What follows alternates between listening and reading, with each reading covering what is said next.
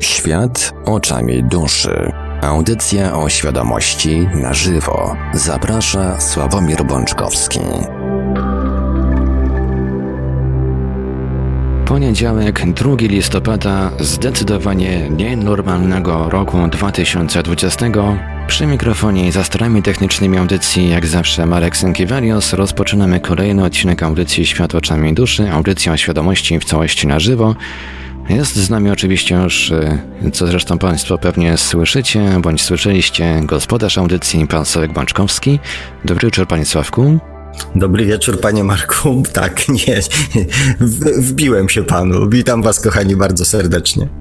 Tradycyjnie, zanim przekażę głos panu Sławkowi, przypomnę kontakty do Radia Paranormalium. W drugiej części audycji będzie można dzwonić, ale pisać można już teraz i zapisać sobie numery do Radia Paranormalium warto również już teraz. E, numery to oczywiście stacjonarny 32 746 0008, 32 746 0008, komórkowy 536 20 493, 536 20 493, skype radio.paranormalium.pl. Jesteśmy także na GG pod numerem 36 08 8002, 36 08 8002. Można także do nas pisać na czatach Radia Paranormalium na www.paranormalium.pl oraz na czatach towarzyszących naszym transmisjom na YouTube. Można nas także spotkać na Facebooku, na fanpage'ach Radia Paranormalium i pana Sławka Bączkowskiego, na grupach Radia Paranormalium i czytelników Nieznanego Świata, a jeżeli ktoś woli, to może także wysłać pytania, komentarze i różne inne wiadomości odnoszące się do naszej audycji na nasz adres e-mail radiomałpa-paranormalium.pl a więc mój obowiązek redaktorski już spełniłem, więc oddaję panu głos, panie Sławku. Dziękuję panie Marku, dziękuję za mm, pana redaktorski mm, obowiązek wykonywany konsekwentnie e, od, od wielu już w zasadzie lat, można powiedzieć. E, także myślę, że w swoim imieniu i, i w imieniu słuchaczy mm, mogę panu jeszcze raz serdecznie podziękować, e, bo to dzięki panu te audycje przede wszystkim są. Ja bym sobie gadał pewnie do laptopa.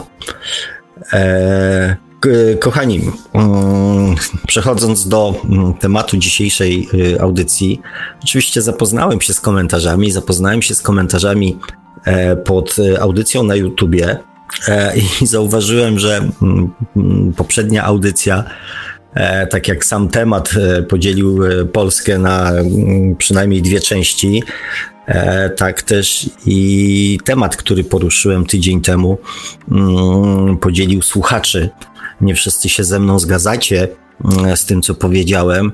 E, no bo faktycznie jest to taki temat dość trudny do, mm, do zrozumienia, jeżeli się mm, nie spojrzy na to naprawdę tak z punktu widzenia e, z punktu widzenia duszy, z punktu widzenia świadomości, z punktu widzenia ewolucji naszego rozwoju.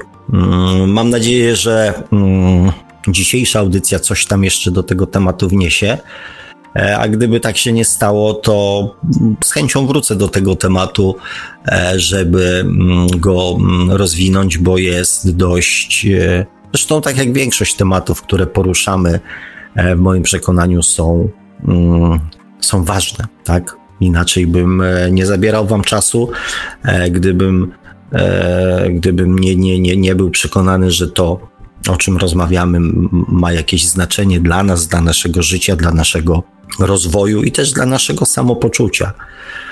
Mm, natomiast no, na kanwie mm, tych komentarzy, na kanwie tej audycji e, poprzedniej oraz na skutek e, przesympatycznej, przefajnej mm, rozmowy, takiej prywatnej, e, kuluarowej, jak ja to nazywam, którą udało mi się przeprowadzić z jednym z naszych słuchaczy, których dzisiaj też wśród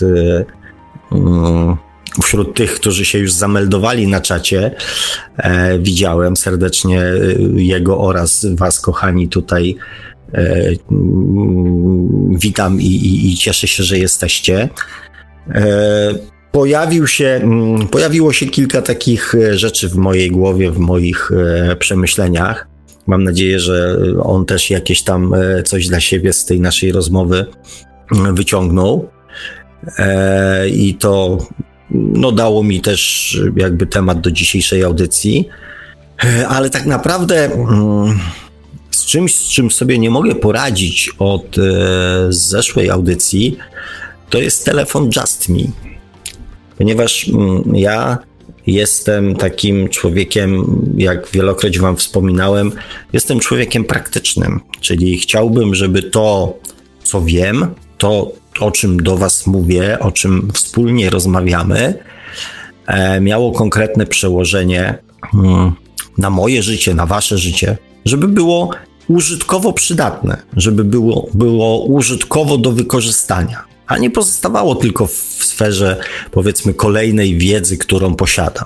E, no i w pewnym sensie mm, dość dużo, na tyle, na ile tam powiedzmy czas y, mi pozwolił, rozmyślałem na ten temat. Co zrobić w tych jakże trudnych emocjonalnie dla nas czasach? Co zrobić, żeby nie dać się w to wszystko jakby wciągnąć? E, nie mam tutaj Mm, przynajmniej na tą chwilę jakiejś złotej recepty dla Was. Oczywiście pomysłów, które mm, zwłaszcza na Facebooku wśród moich znajomych e, się pojawiają, tak, o, o tym, żeby jednak sporo medytować, o tym, żeby mm, jak najmniej e, uważności i emocjonalności poświęcać negatywnym tematom żeby afirmować rozpuszczanie tych problemów. E, więc tych, tych pomysłów jest z pewnością, e, z pewnością sporo różnych. Mm, natomiast mm, ta gorsza informacja jest taka, e, że jesteśmy w dość trudnym momencie również pod względem mm, astrologicznym, bo tak jak ja nie jestem astrologiem, E, natomiast znam kilka osób, do których mam zaufanie, że nie piszą, żeby sobie po prostu pisać, tylko mają pewne rzeczy sprawdzone i, mm, i poukładane.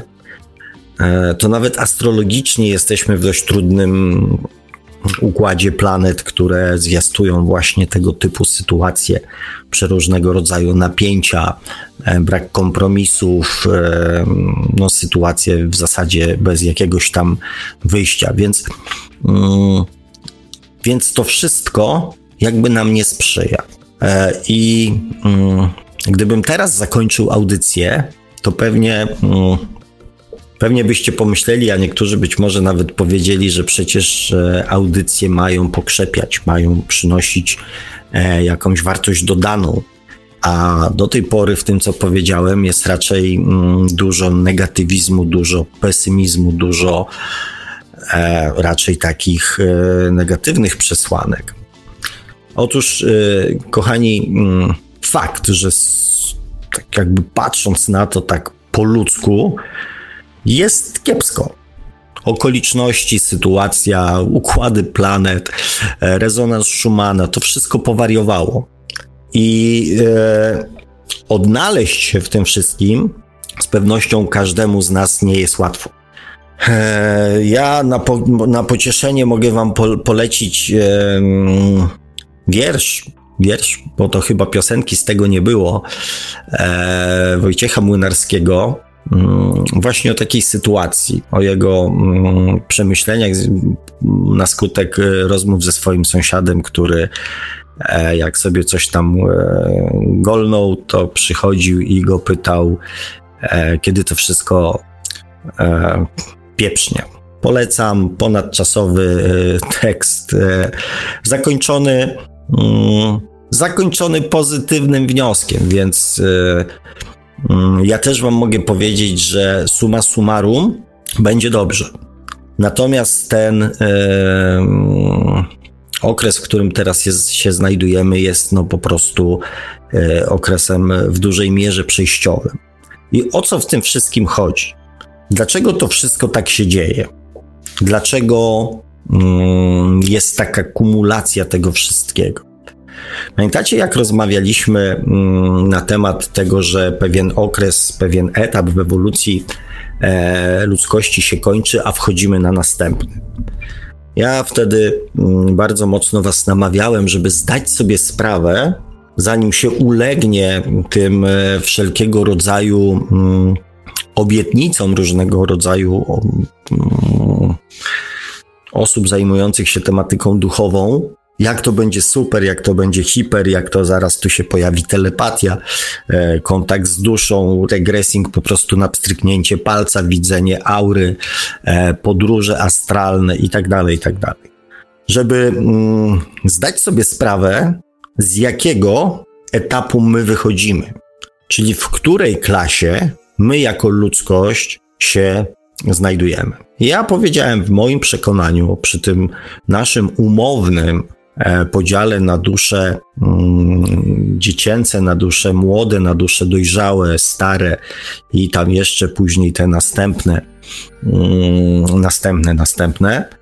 W moim przekonaniu utknęliśmy na wiele tysięcy lat na etapie dusz młodych.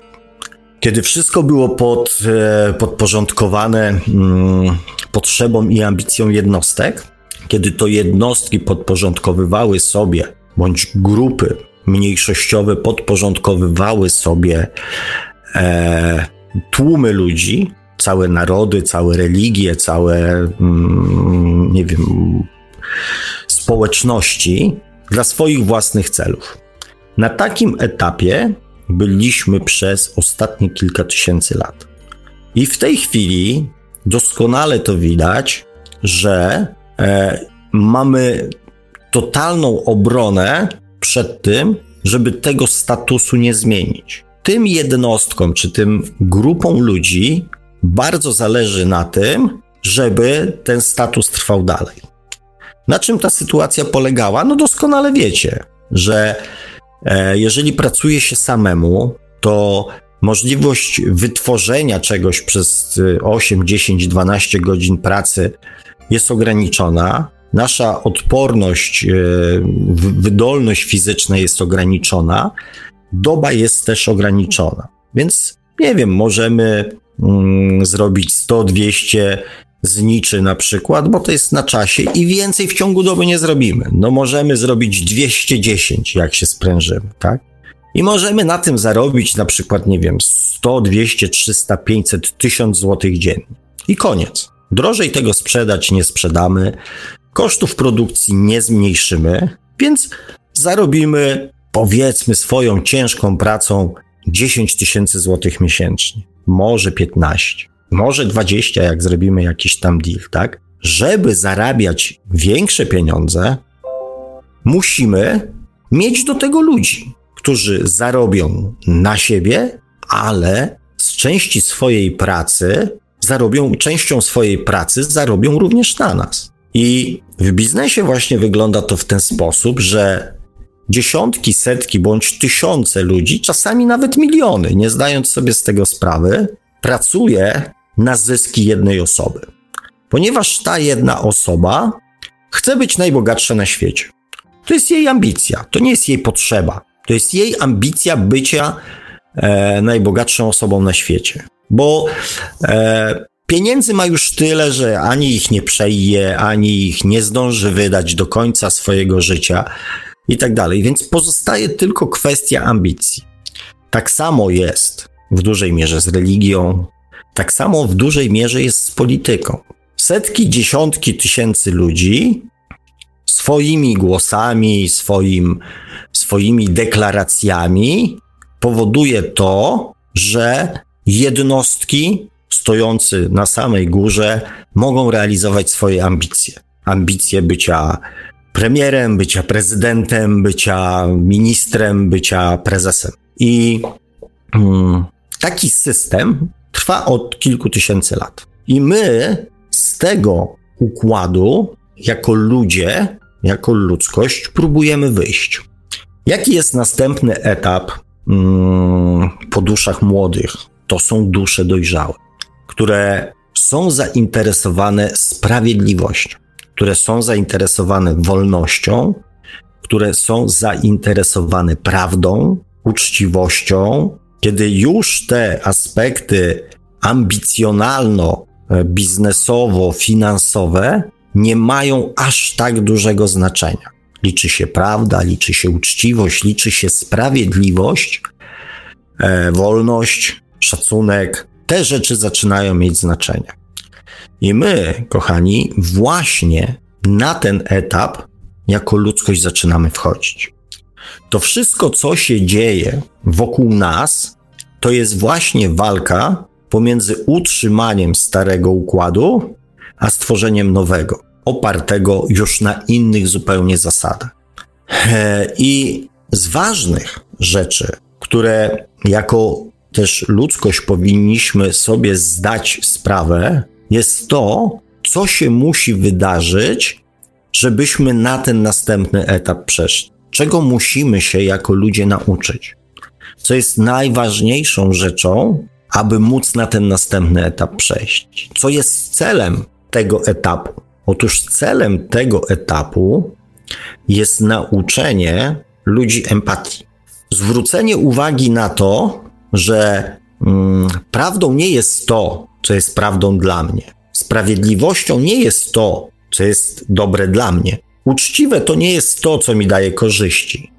Tylko te słowa mają troszeczkę inną wartość, mają troszeczkę inne, szersze e, zastosowanie. Celem tego etapu jest to, abyśmy, przyznając sobie prawo, przyznali takie samo prawo innym ludziom. Że jeżeli ja mam prawo coś zrobić, bądź czegoś nie zrobić, to inni ludzie mają też do tego prawo. Zainteresowanie się tym, e, że drugi człowiek, który jest obok nas, czy on jest znajomy, czy jest nieznajomy, ma prawo do swojej emocjonalności, która może być odmienna od naszej. Mało tego, ważne jest to, żebyśmy jako ludzie e, przestali siebie traktować jak wrogów. I E, to, co jest związane z systemem tym e, dusz młodych, to jest to, że jedna osoba bądź grupa osób narzuca swoje poglądy i przekonania innym, każąc im według tych reguł, tych zasad postępować. I to nie dotyczy tylko religii, polityki czy jakichś grup społecznych. To dotyczy na przykład tak zwanej mody. Zwróćcie uwagę, że sztaby ludzi mądrych, wykształconych, zarabiających dużo pieniędzy, siedzi i kombinuje, jak przekonać nas do kupienia tego, a nie innego produktu. Oni narzucają nam swoją wolę w pewnym sensie, przekonując, żebyśmy skorzystali z takich usług, e, żebyśmy kupowali takie produkty, a nie inne, żebyśmy jeździli takimi samochodami, a nie innymi, żebyśmy się ubierali tak, a nie inaczej, żebyśmy mieli takie telefony, a nie inne. Wszystko, co jest związane z trendami, z modą, jest próbą narzucenia czyjejś wizji szerszej grupie ludzi. Bo to nie ma nic wspólnego ani z dobrem, Owszem, są produkty, które są po prostu dobre i, i warto z nich skorzystać, bo są dobre, tak? Ale gro z tych rzeczy to jest kwestia czyichś ambicji, czyjegoś pomysłu, czyjejś wizji, który próbuje narzucić jakiejś tam grupie ludzi. Mniejszej bądź większej, w zależności jaką ma skuteczność. I Przepraszam Was, muszę podłączyć laptopika. Dobrze, już podłączyłem, wracam do Was. I teraz, mm, wchodząc na ten następny etap, musimy jako ludzie zrozumieć, że to, co jest prawdą dla jednego człowieka, nie musi być wcale prawdą dla drugiego człowieka. I co jest ciekawe, tak się zaczyna proces e, uczenia się miłości. Łatwiej nam duszom dojrzałym, zwłaszcza w, powiedzmy w naszych kręgach tutaj kulturowych, ludziom dojrzałym łatwiej jest, znaczy duszom dojrzałym łatwiej jest okazać miłość do drugiego człowieka, niż okazać miłość do samego siebie. Ponieważ na tym poprzednim etapie dbanie o swoje interesy było egoizmem. Odbywało się kosztem innych ludzi, bo im mniej zarobią pracownicy, tym więcej zarobi szef. Ja nie mówię, że tak jest w każdej firmie. Nie, nie, nie, jakby nie. Natomiast chodzi mi o sam mechanizm. I my, jako świadomość zwłaszcza na początku tej e, swojej dojrzałej mm, przygody, na poziomie już dojrzałej świadomości, jeszcze doskonale pamiętamy wewnętrznie, że poprzednio robiliśmy coś kosztem innych ludzi. Mało tego, żyjemy też w takiej kulturze, gdzie dbanie o samego siebie nazywa się po prostu egoizmem. Więc ten ciężar jakby jest dodatkowo mm, większy i łatwiej nam jest uczyć się miłości, okazując tą miłość innym ludziom. Popatrzcie teraz na mm, sytuację, mm, która się e, dzieje wkoło nas, tak? No teraz ten, oczywiście ten absurdalny, e, absurdalny, no dziwny, tak? E, przepis o zamknięciu cmentarzy.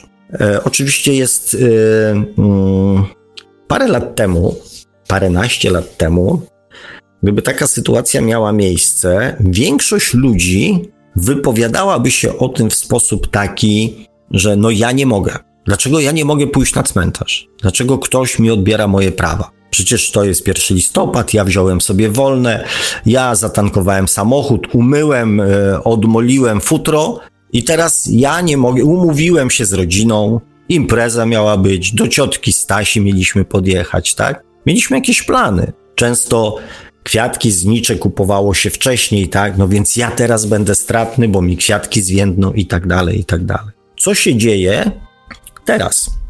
Zwróćcie uwagę, jak dużo się mówi o tym, że ludzie, którzy zarabiają pieniądze, po prostu nie będą w stanie ich zarobić, poniosą straty.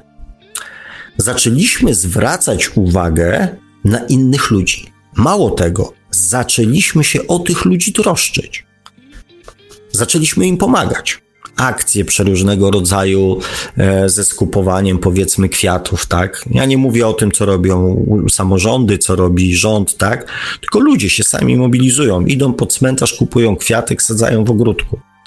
I tych przeróżnych akcji, z tego co ja słyszałem, było całe mnóstwo i pomysłów, tak? Kilka dni wcześniej jakaś akcja pod tytułem, e, mm, to się nazywało mm, jakoś tam gastro dla coś tam, dla spa, spa dla gastro.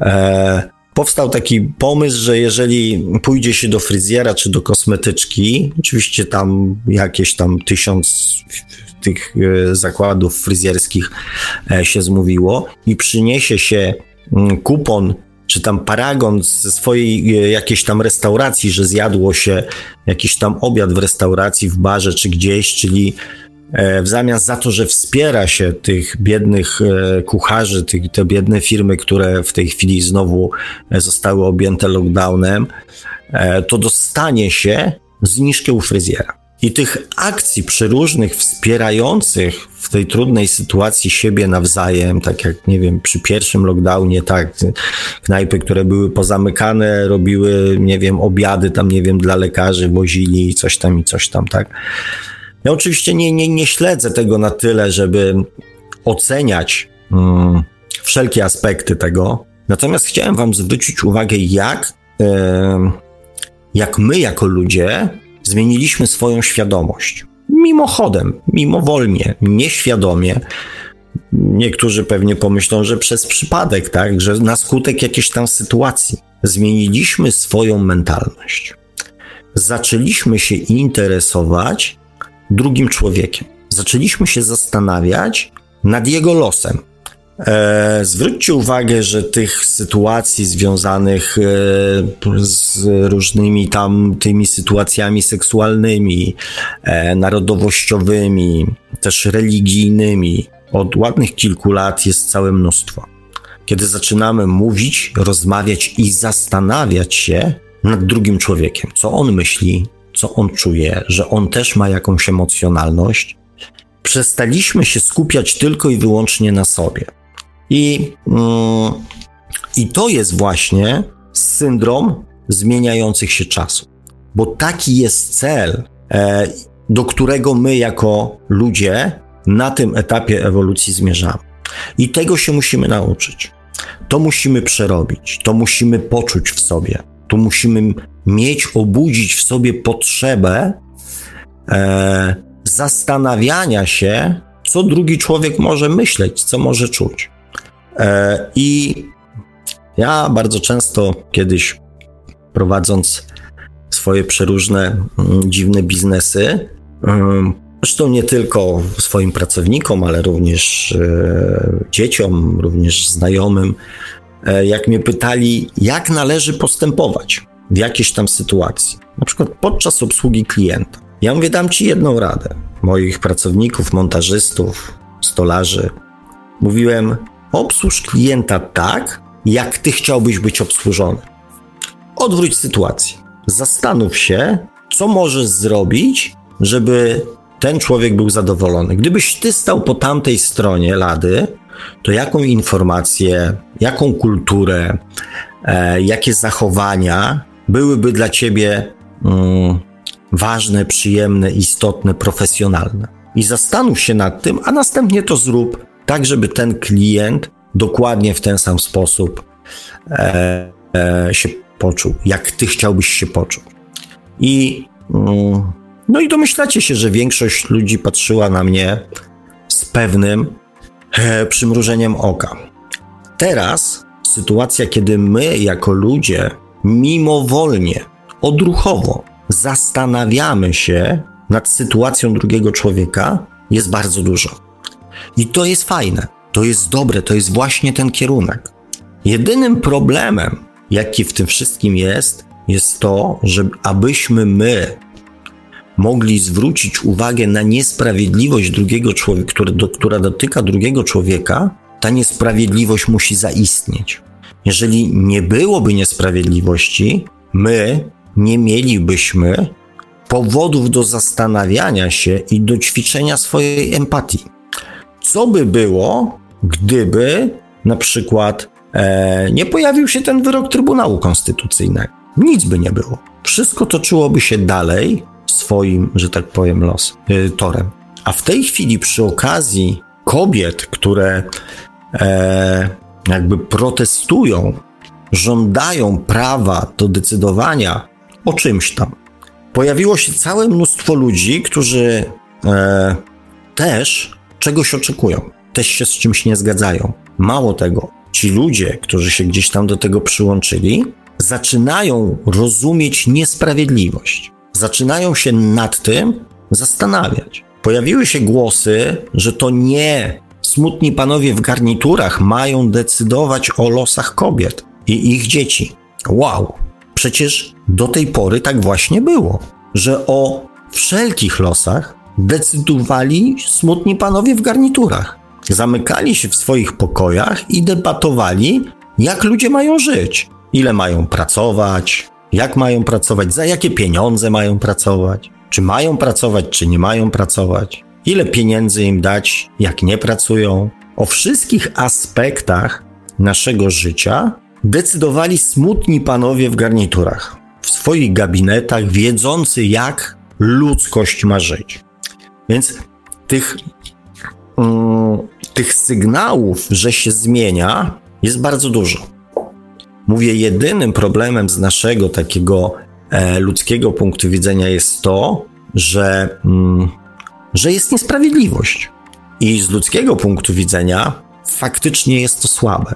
Z punktu widzenia świadomości jest to niesamowicie potrzebne i przydatne zjawisko. Gdyby nie było nieszczęść, gdyby nie było niesprawiedliwości, my nie bylibyśmy zmuszani do interakcji. My byśmy dalej żyli według tego samego schematu. Wszystkie nieszczęścia, które dotykają, czy niesprawiedliwość, która dotyka jakąś garstkę ludzi, a jest wyciągnięta na światło dzienne, zmusza do interakcji setki, tysiące, czasami setki tysięcy ludzi. Ludzi, którzy nie mogą przejść obok tego obojętnie, ponieważ zostali pobudzeni, wystymulowani emocjonalnie. I te reakcje emocjonalne, nie wiedza, tylko emocjonalne reakcje budują naszą świadomość. Jakie jest z tego wyjście? Znaczy, wyjście jest takie, że musimy przez ten etap przejść. To się samo nie zrobi za nas. Świadomość się nie zmienia na pstryknięcie palca. Świadomość się zmienia na skutek przeżyć emocjonalnych, ponieważ, tak jak Wam mówiłem, świadomość to stan emocjonalny, nie stan umysłowy, to stan emocjonalny. I dlatego ona się zmienia na skutek, e, na skutek naszych reakcji emocjonalnych, nie informacji mentalnych, na skutek naszych reakcji i interakcji emocjonalnych. Więc powiem brutalnie, to całe zło, to całe bezeceństwo, to wszystko negatywnego, co się dzieje na Ziemi w tej chwili, ma za zadanie nauczyć nas empatii. I prawda jest taka, że im szybciej my, jako ludzkość, jako poszczególne jednostki, tej empatii się nauczymy, tego nie nauczymy w sposób taki, e, powiedzmy sobie, umysłowy, tak? Tylko nauczymy się odruchowo, mimowolnie, nieświadomie myśleć o innych ludziach, tym szybciej ten cały proces e, ulegnie mm, zakończeniu. Ja wiem, że to jest może mało budujące, mm, bo chciałoby się mieć jakiś złoty środek, który powie zróbcie tak i zróbcie tak i, e, i, i to się skończy tak. Natomiast, e, natomiast no, z mojego punktu widzenia tak to nie działa, tak. Zwłaszcza, że i ten rozwój świadomości u różnych ludzi następuje w różnym tempie, tak. Też ten poziom świadomości jest różny, więc e, musimy jako ludzkość przejść na ten etap i wypracować mechanizmy, nawet jeżeli to będą tylko na początku mechanizmy prawne, które będą dawały ludziom wolność, wolność dokonywania wyborów dotyczących swojego własnego życia, to już to będzie jakiś tam krok, e, krok do przodu. Natomiast bez tego, e, mm, bez tego to, to, to, to, to będziemy się kręcić, że tak powiem, w kółko i uruchamiać te procesy podświadomościowe i w ten sposób próbować rozwiązywać konflikty, które, e, które są nie do rozwiązania. Tak? No, konflikt, który powstał w tej chwili, jest konfliktem nie do rozwiązania, ponieważ jest to konflikt ideologiczny. I tak na dobrą sprawę, e, tu nie ma, mm, tu nie ma rozwiązania tego konfliktu biorąc pod uwagę już ogrom nienawiści i skalę, że tak powiem, tego zjawiska, to tutaj nie ma rozwiązania. I przyznam Wam się szczerze, jestem bardzo ciekawy, jak się to skończy. No ale to jest kwestia, powiedzmy, mm, jakiegoś tam e, najbliższego czasu, więc, e, więc spokojnie poczekam. Mam oczywiście swoje jakieś tam e, odczucia i, i, i przekonania, więc zobaczymy na ile na ile one są e, słuszne i trafione. Także, e, kochani, reasumując ten wątek, bo, bo, bo ja znowu gdzieś tam chciałem jeszcze parę rzeczy tutaj poruszyć, ale znowu się e, trochę do Was rozgadałem.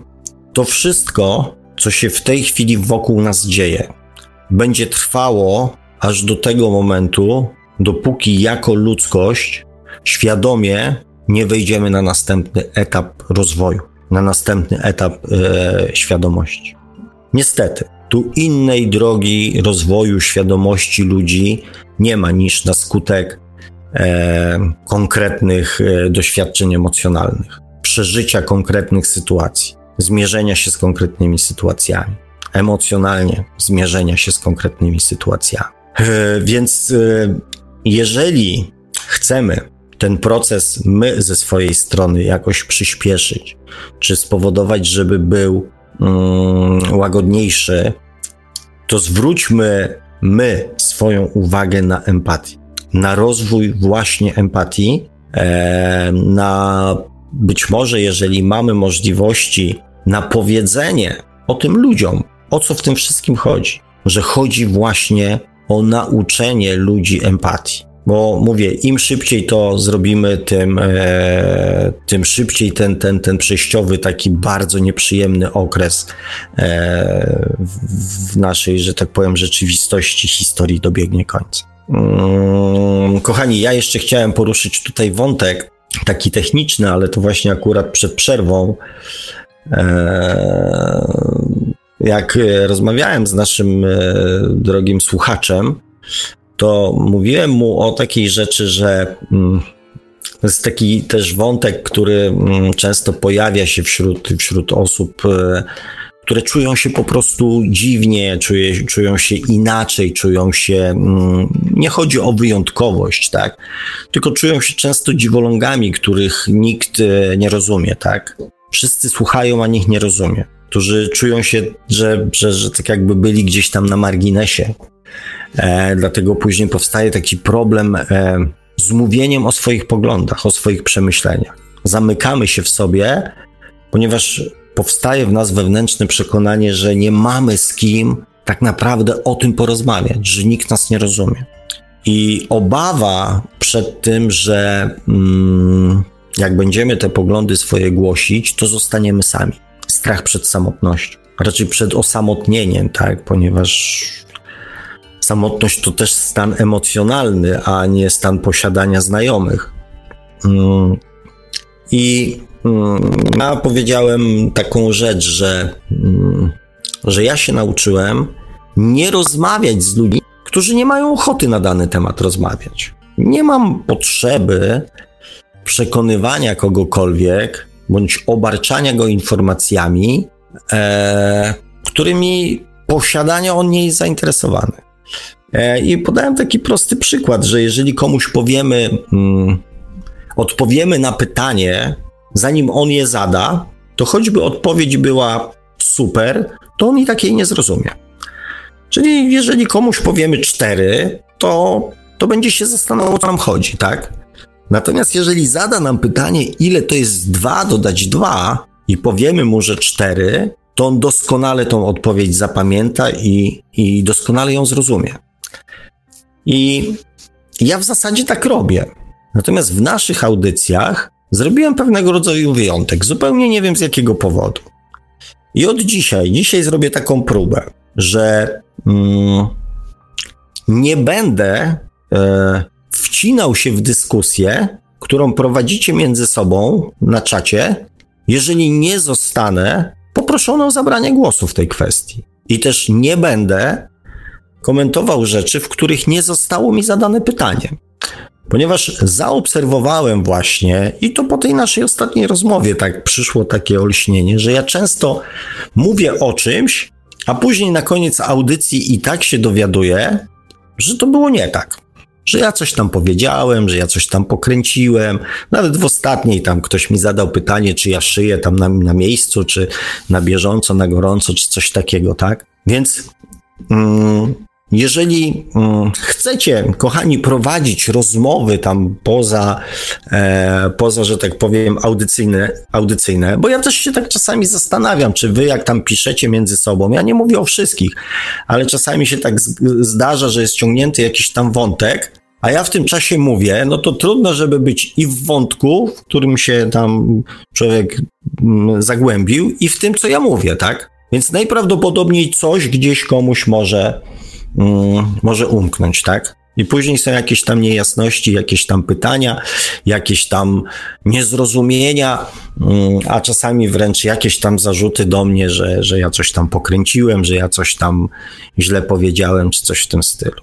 Dlatego dzisiaj mm, w komentarzach spróbuję te wątki, które wy sobie poruszacie, to sobie poruszajcie. Natomiast jeżeli chcecie ode mnie uzyskać jakąś informacje w tej kwestii, to postawcie pytanie, co ja na ten temat sądzę, bądź e, zadajcie mi proste pytanie, co ja uważam, jak ja myślę, jakie ja mam zdanie na ten temat. Tak? Nie będę się wtrącał w dyskusje, które prowadzicie między sobą, ponieważ też tak naprawdę nie mam e, do tego prawa. A ja jakoś tak z uporem maniaka przez 90 audycji starałem się komentować to, co wy między sobą rozmawiacie. Przepraszam was za to. Nie powinienem się. Mm, mm, nie powinienem się, że tak powiem, e, w wasze, e, w wasze rozmowy wtrącać, nie będąc do tej dyskusji w żaden sposób zaproszony. To mm, taka, taki aspekt techniczny, który się tak naprawdę miał pojawić na początku audycji, ale, ale troszeczkę zmieniłem zdanie.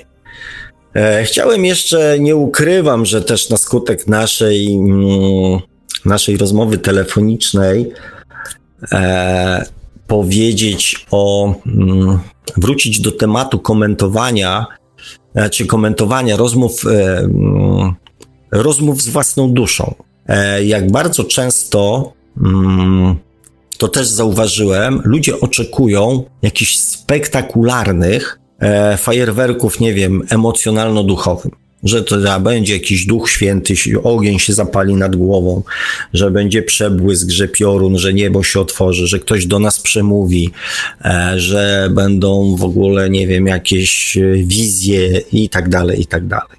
I często mm, opisami mm, czyta, zaczytanymi gdzieś tam opisami, jak to ktoś opisuje, jak to jego kontakt z duszą, co tam się w ogóle działo.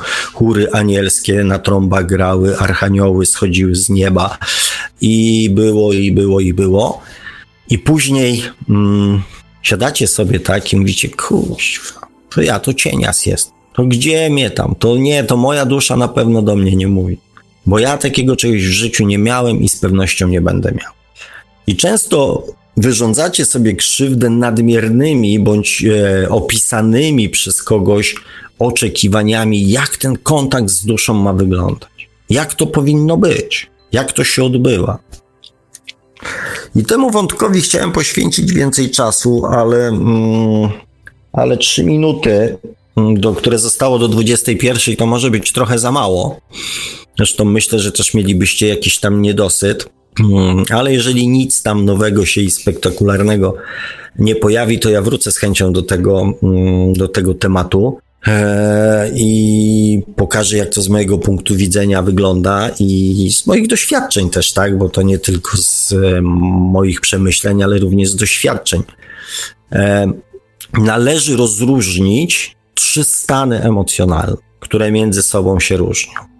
Pierwszy stan to jest stan podświadomości kiedy pracujemy mm, instynktem, odruchami zapisanymi w podświadomości. I tyle. I to jest e, 90 parę procent czasu swojego życia, e, 90 parę procent ludzi spędza w tym stanie. I już. I nie ma w tym nic ani złego, ani dobrego, ani dziwnego.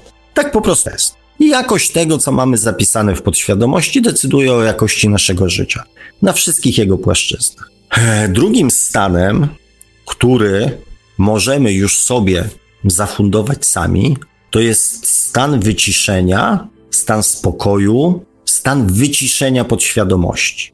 I to jest stan, kiedy medytujemy, kiedy wchodzimy w jakieś takie e, aspekty, kiedy dopuszczamy do naszego umysłu zminimalizowaną ilość bodźców zewnętrznych, na które mogłaby zareagować nasza podświadomość. No, mówię, to jest stan, kiedy na przykład śpimy, kiedy nasz wzrok e, nie pobiera bodźcy, nasz słuch pobiera je w sposób taki, że tak powiem, bardzo minimalny, i to jest stan wyciszenia, stan spokoju, stan takiego. Mm. I trzecim stanem emocjonalnym to jest stan, kiedy wchodzimy w świat duchowy. I wtedy faktycznie dzieją się różne dziwne rzeczy. E, ja pierwszy taki swój świadomy, znaczy świadomy, taki mm, e, zaplanowany kontakt z własną duszą miałem, mm, miałem odczucia po prostu przeolbrzymiego, znaczy nie parzącego, ale takiego po prostu ciepła otaczającego mnie ze wszech, ze, z każdej strony ciepła. Przyjemnego, błogiego ciepła i olbrzymiego spokoju. To był taki mój pierwszy, takie pierwsze, e, pierwsze odczucie. I faktycznie wtedy, kiedy mm, nawiązujemy ten świadomy taki kontakt, e, to, mm, to pewne rzeczy są inne, tak? W dużej mierze, że żeby wejść w ten stan kontaktu ze światem duchowym, to musimy najpierw wyłączyć naszą podświadomość. Znaczy wyłączyć, uciszyć. I samo wyciszenie, uciszenie podświadomości powoduje osiągnięcie stanu spokoju. I wtedy wydaje nam się, że osiągamy stan jakiegoś takiego błogostanu. A często to jest tylko stan, kiedy nasza podświadomość przestaje napierdzielać po prostu reakcjami. Natomiast większość czasu, większość jakby komunikatów i informacji od naszej duszy dostajemy w codziennym życiu wtedy, kiedy również działa nasza podświadomość. Kiedy nie ma żadnych spektakularnych odczuć ani błogostanów. Ona też do nas wtedy przemawia. Dusza to nie jest, y, kontakt z duszą nie odbywa się na niedzielnej mszy. My powinniśmy dążyć do tego, żeby pozwolić tej duszy jak najwięcej do nas mówić. Jak najczęściej. I ona próbuje. Ona próbuje. Ona jest z nami 24 godziny na dobę. Ona, tak jak powiedziałem, pracuje i funkcjonuje tak jak nasze nerki, wątroba, serce czy mózg. 24 godziny na dobę. I w, te, w tych sytuacjach nie spodziewajmy się żadnych, nie wiem, olśnień e, czy jakichś spektakularnych stanów emocjonalnych. Nauczmy się te stany jakby e, rozumieć i, mm, i dostrzegać. Oczywiście większość ludzi chciałaby, mm, żeby ten stan łączności taki ze światem duchowym był jak e, najczęstszy, jak najbardziej długotrwały i tak dalej, tak? Natomiast no, mm, przynajmniej mi się wydaje na tą chwilę, że że, że, że to nie jest możliwe przez 24 godziny na dobę. Owszem, co jakiś czas możemy sobie taki zastrzyk miłości mm, i takiego spokoju pierdyknąć, taki detoks sobie zrobić, E, natomiast e, to nie jest sytuacja, która może trwać 24 godziny na dobę. Natomiast kontakt z duszą jest możliwy 24 godziny na dobę. Jeżeli jesteście tym wątkiem gdzieś tam zainteresowani, to dajcie mi znać i wtedy następną audycję spróbujemy popchnąć właśnie w tym kierunku, zrobić w tym kierunku. A ponieważ moje zwierzęta zaczynają się upominać, to najwyższy to znak, że jest godzina 21 e, z kawałeczkiem, ponieważ one są kulturalne, subtelne, więc e, wiedzą, że o tej porze mam przerwę w poniedziałki. E, także, kochani, pan Marek przygotował mm, fajny zaduszkowy, ja jeszcze go nie słuchałem, ale z tego co wiem, fajny zaduszkowy kawałek. Więc zróbcie sobie też dzięki panu Markowi malutki detoks. A ja tutaj spróbuję mm, ogarnąć zwierzęce towarzystwo i za chwileczkę mm, spotkamy się e, na czytaniu i omawianiu tego, co, co wy tutaj w międzyczasie napisaliście. A w ramach przerywnika muzycznego Dzisiaj zagra nam Lech Makowiecki, bardzo taki aktualny, bardzo pasujący do obecnego okresu utwór, błogosławiony płynie czas, a my w Radiu Paranormalium usłyszymy się ponownie w audycji Świat oczami duszy już za jakieś 4 minuty z kawałkiem. Radio Paranormalium, paranormalny głos w Twoim domu. Zostańcie Państwo z nami.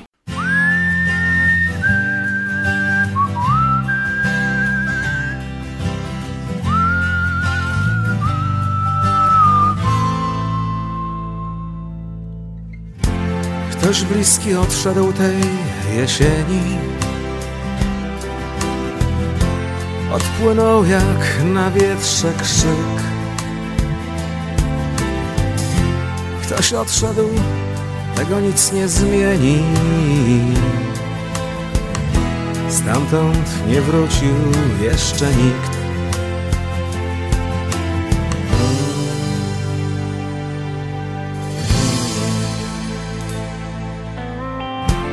Zapomnisz kiedyś o cierpieniu A łzy obeschną jeszcze raz. Nadzieja cała w zapomnieniu Błogosławiony płynie czas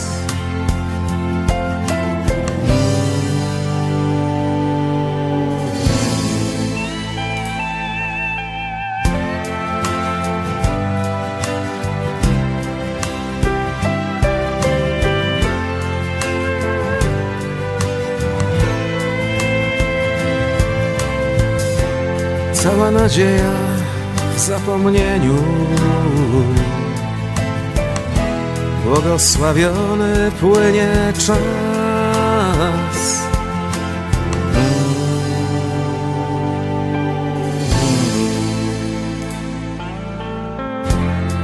Dociera już powoli do mnie, że nasze plany, nasze sny odeszły do krainy wspomnień, wsiąkając jak w poduszkę łzy.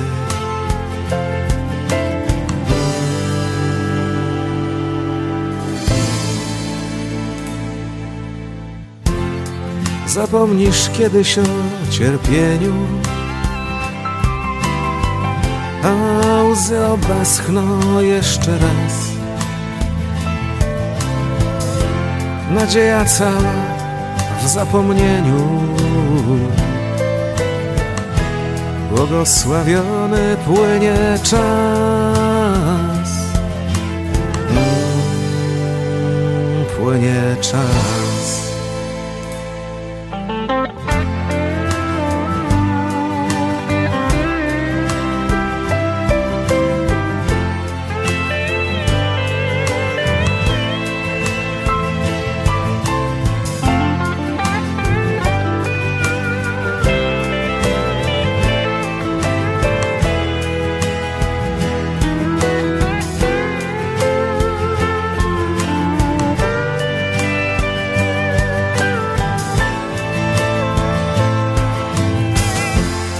Zapomnisz kiedyś o cierpieniu? A łzy obeschną jeszcze raz. Cała nadzieja w zapomnieniu. Błogosławiony płynie czas. Mm, Płynie czas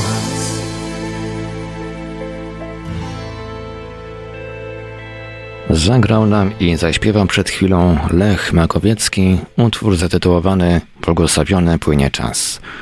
W Radiu Paranormalium przechodzimy do drugiej części audycji Świat oczami duszy, do tej części audycji, w której pan Sołek Bączkowski będzie czytał komentarze i się do nich odnosił. No i będziemy także odbierać telefony. Linia telefoniczna dzisiaj 2 listopada 2020 roku jest już otwarta. Nasze numery telefonów to jak zawsze stacjonarne 32 746 0008, 32 746 0008, komórkowy 536 20 493, 536 20 493, skype radio.paranormalium.pl.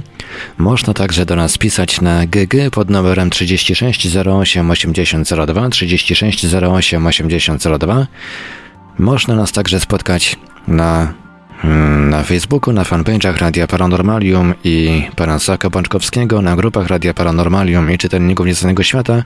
Można, można nam także wysyłać maile na nasz adres e-mail radiomałpa-paranormalium.pl No i oczywiście cały czas czekamy na Wasze komentarze i pytania na czatach Radia Paranormalium, na www.paranormalium.pl oraz na czatach towarzyszących naszym transmisjom na YouTube.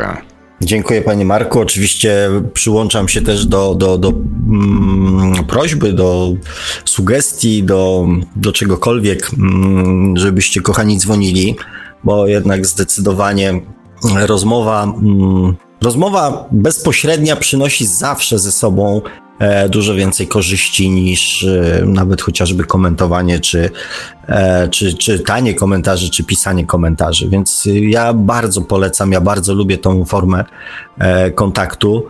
Zwłaszcza, że w krótkim okresie czasu można mm, naprawdę odpowiedzieć sobie na całe mnóstwo pytań i, i wątpliwości. Mało tego, można to zrobić, że tak powiem, na bieżąco. Więc ja ja jak bardziej też e, namawiam e, i polecam tą formę kontaktu. A póki co, mm, póki co wracam do komentarzy. E, oczywiście tam przywitania były na samym początku. Bardzo się cieszę, bo widzę znowu nowe postacie, nowe niki. A tutaj pierwszy komentarz dużymi literami przez pana Zbyszka napisany: No nie, znowu strachy. Ze, smutką, ze smutną minką. E, to znaczy strachy. E, wypowiadanie się na temat tego, co się dzieje, e, nie jest żadnym straszeniem, bo przecież widać, co się dzieje, tak? No to, to nie jest tak, że ja coś wymyślam i coś, czego nie ma, tak? To po prostu jest. Oczywiście, no, zawsze jest szklanka albo do połowy pusta, albo do połowy pełna. E, natomiast mi się zdecydowanie lepiej e, funkcjonuje w e, rzeczywistości, którą w jakiś tamkolwiek sposób przynajmniej chociaż trochę rozumiem. Łatwiej jest wtedy zachować rozsądek i też się nie dać wmanipulować. Więc ja to robię z tego powodu. Ja nie zamierzam nikogo straszyć, bo, bo wystarczy włączyć telewizję, e, żeby, mm, żeby też dojść do wniosku, że jestem i tak e, amatorem w porównaniu e, z tymi, którzy to robią. Adam J. pisze, Sławku, dla mnie do tej pory to jak prognoza pogody, pada deszcz, no ale w końcu będzie dobrze. Znaczy powiem tak, to wcale nie musi być dobrze. To nie jest powiedziane, że, że będzie dobrze. Oczywiście e, siły, które zostały za, za, za, mm, zaprzęgnięte do tego, żeby nam jak, jako ludziom pomóc przejść e, ten trudny etap, są mm, no, bardzo, bardzo duże, tak? Mm, natomiast y, żyją na, na, ziemi, że tak powiem, szaleńcy, którzy mogą wykonać jakiś bardzo, e, bardzo nerwowy ruch, który wykona, wy, wymknie się spo, spoza kontroli e, i, mm, i wcale nie musi być dobrze, tak? Ja się przyłączam oczywiście do tego optymizmu, że wierzę w to, e, że jednak wyjdziemy, tak, z tego zakrętu. Natomiast też z drugiej strony jeżeli, owszem, jeżeli przyjrzymy się powiedzmy przez pryzmat naszego, nie wiem, 10, 20, 30-letniego, czy nawet 50 czy 60-letniego życia, to faktycznie pewne zmiany, chociaż akurat my żyjemy w, w tym takim fajnym okresie e, że tak powiem, naszej ewolucji, że te zmiany nawet na przestrzeni 10, 20, 30 lat są e, widoczne, tak? Natomiast jeżeli ktoś będzie chciał sobie e, przeanalizować to na przestrzeni 100, 200, 300 lat, e, to też, czy, czy, czy, czy tysiąca lat, to też bez żadnego problemu dostrzeże kierunek, w jakim zmierzamy, poprzez to, co się przez te tysiąc lat na przykład zmieniało, tak? W naszej świadomości, w naszej mentalności, w naszym podejściu do bardzo wielu rzeczy. No ale to mówię, to mm, można to zrobić, nie trzeba. Mm, Adam pisze, sam początek audycji. E, Zbigniew e, pisze jeszcze, no jasne, niech świat się zmienia. E, Panie Zbigniewie i, i, i cała reszta droga grupo słuchaczy. E, gdyby nie chodziło o zmiany, to w zasadzie e, cały ten proces e, rozwoju duchowego, reinkarnacji, całego tego mechanizmu nie miałby najmniejszego sensu. Moglibyśmy żyć tylko pod świadomością nic by się nie działo. Rodzilibyśmy, umierali, rodzili, umierali, kręcili się w kółko i, i, i nie byłoby. I byśmy sobie tak żyli. Być może, może nawet i fajniej byśmy, byśmy żyli. Nie wiem. Sinus Poland pisze. E, jest kiepsko, ale możemy świadomie w to nie wchodzić, odpuścić. Wiem, że nie można się odciąć całkowicie. E, też mi to wszystko mocno ciąży, ale staram się nie angażować emocji i uwagi na tym. E, to znaczy, powiem tak, to też jest. E, to też jest kwestia pewnego rodzaju naszego wyboru. To dużo zależy od naszej świadomości, tak? Jeżeli rozumiemy proces, to mm, widocznie nie jest naszym doświadczeniem angażować się w to. Natomiast dla wielu osób emocjonalne zaangażowanie się w to wszystko, czy poprzez nienawiść, czy poprzez miłość, czy poprzez pomoc, czy poprzez wspieranie, czy poprzez zrozumienie, czy poprzez rozwój empatii, jest niesamowitym doświadczeniem zmieniającym jego świadomość. Więc skala emocjonalna pewnych rzeczy, im jest większa, tym, większy jest, tym większe jest doświadczenie i tym większy jest wzrost e, świadomości. I bez wątpienia ludziom ta cała rozpierducha jest bardzo mocno e, potrzebna, ponieważ nie da się zamieść sprawy pod dywan. Taka była sytuacja z koronawirusem. Jeżeli to były HIV, AIDS, malarie, tyfusy, grypy, to gro ludzi mówiła, mnie to nie dotyczy. nie musiała się w to angażować emocjonalnie. W tej chwili, jeżeli chodzi o koronawirusa, 99% ludzi na świecie musiało się w to zaangażować. Nie mogło przejść obok tego obojętnie.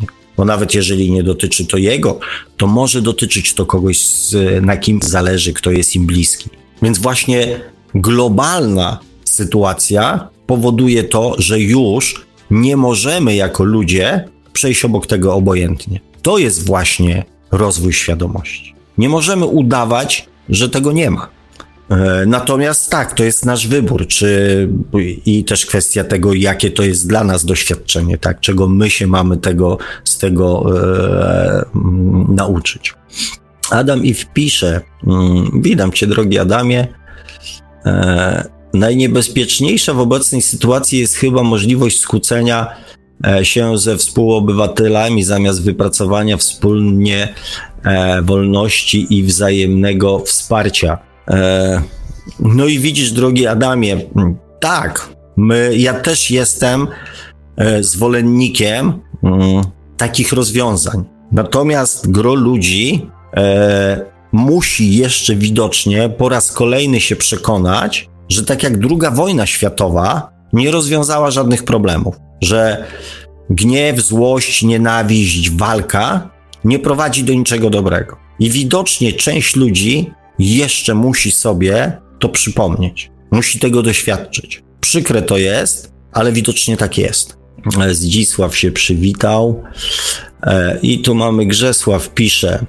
E, wydaje mi się, że jedyne co teraz możemy, to świadomie w głębi siebie e, wyrazić brak, wyrazić brak zgody na to, co się wydarza i będzie się wydarzać. Brak sprzeciwu oznacza mm, zgodę.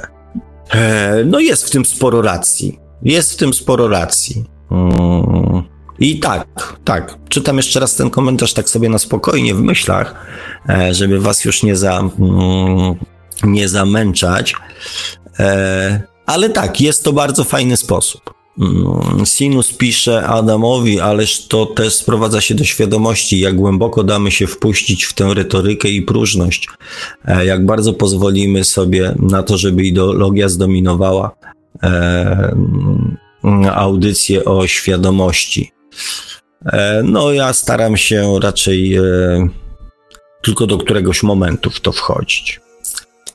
No właśnie, tutaj a propos ideologii, ostatnio w Holandii rząd wysłał dla każdego e, deklarację o oddaniu swoich organów i tkanek po zgonie. Jeśli na czas ktoś nie złoży tej deklaracji, to będzie równoznaczne z całkowitą, z całkowitą zgodą.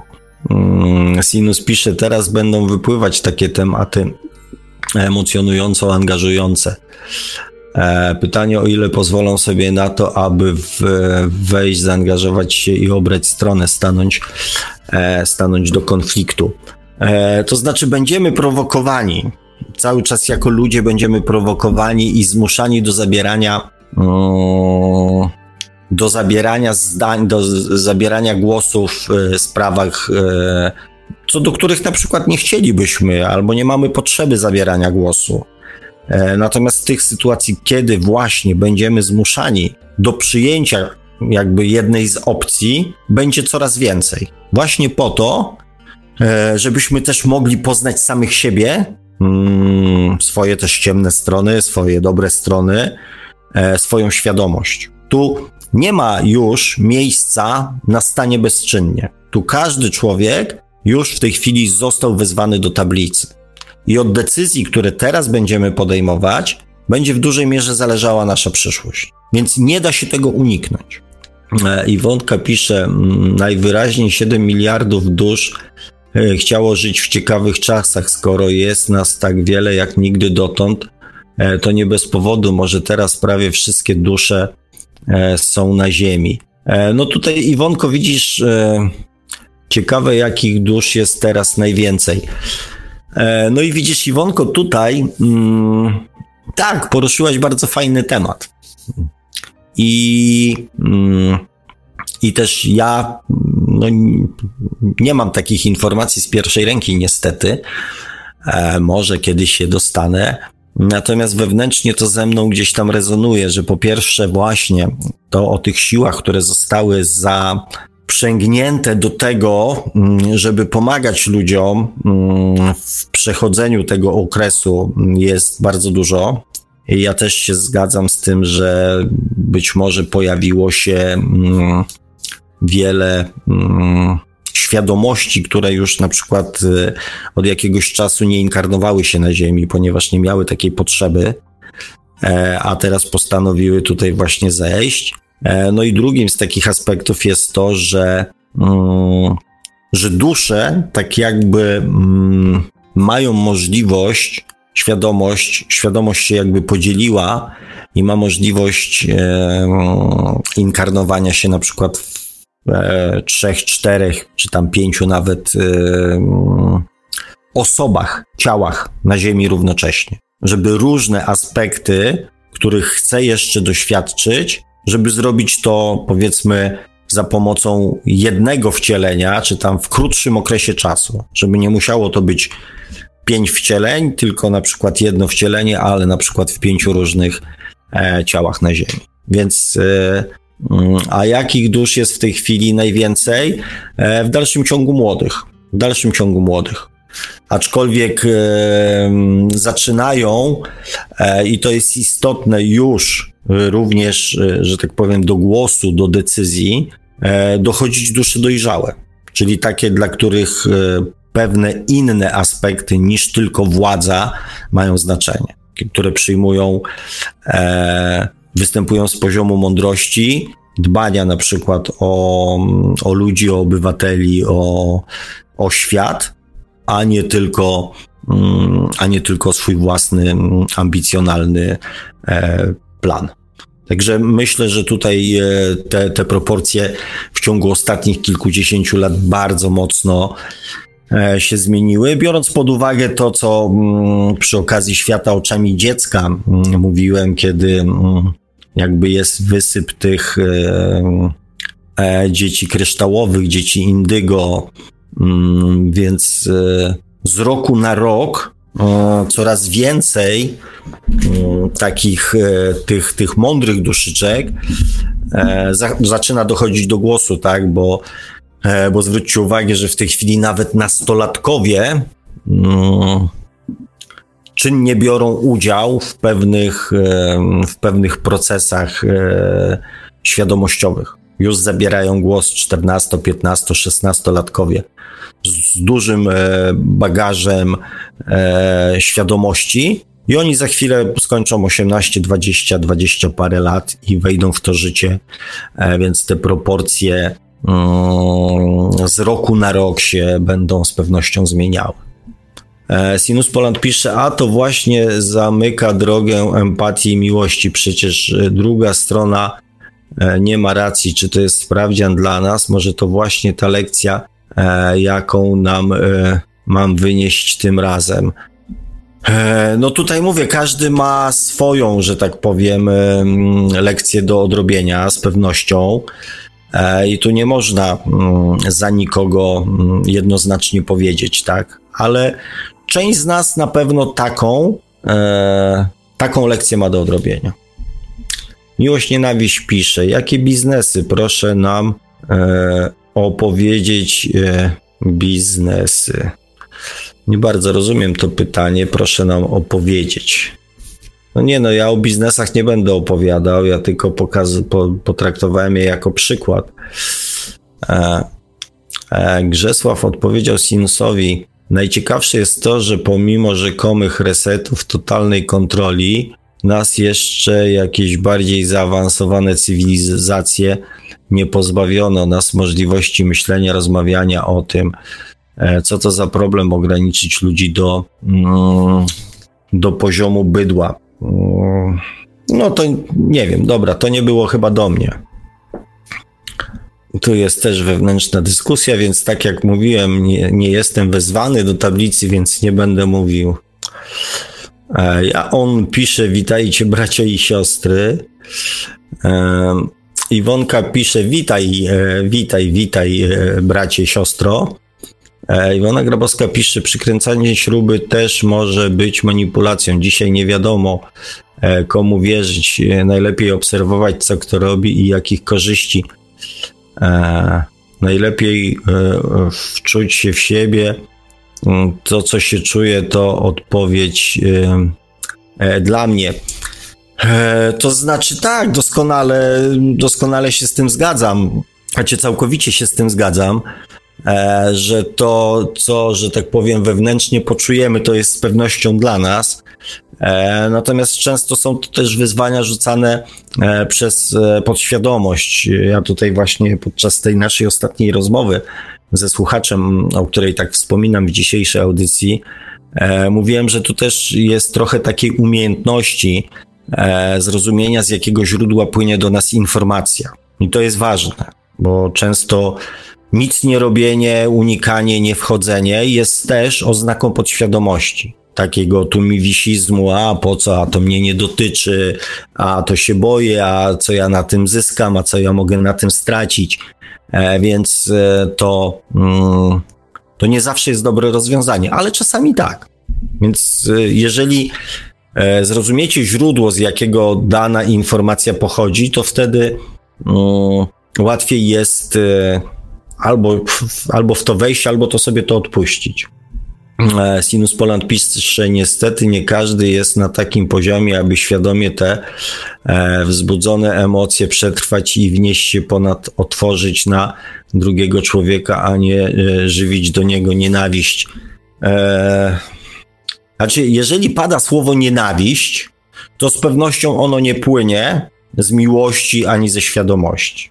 Nienawiść jest formą reakcji, która najczęściej płynie z naszej podświadomości. Ponieważ wiadomo, że jeżeli ktoś nam zrobił coś, co nam się nie podoba, to należy żywić do niego złość, pretensję, nienawiść. Więc jeżeli tego typu emocje się pojawiają, to one nigdy nie płyną z, z miłości ani z duszy. Więc te już można odbierać stricte jako informacje o naszej podświadomości. Mm, Sinus Poland pisze jeszcze, natomiast w tym kontekście nie do końca zgadzam się z panem Sławkiem.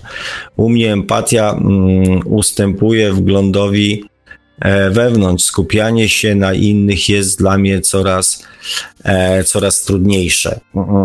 Znaczy, tutaj, mój drogi, się nie ma co zgadzać, nie zgadzać. E, ja piszę mm, o tym, o nauce empatii, jako pierwszej formie uczenia się miłości. I poprzez miłość do innych ludzi, chęć pomagania, walczenia o sprawiedliwość, e, współczuwanie im, e, pomaganie, uczymy się miłości do drugiego człowieka. I też od razu powiem, żeby było jasne, to jest okres przejściowy, ponieważ następnym krokiem jest nauka miłości do samego siebie i pozwolenie drugiemu człowiekowi dbania o siebie samego w taki sposób, jak on sobie tego życzy.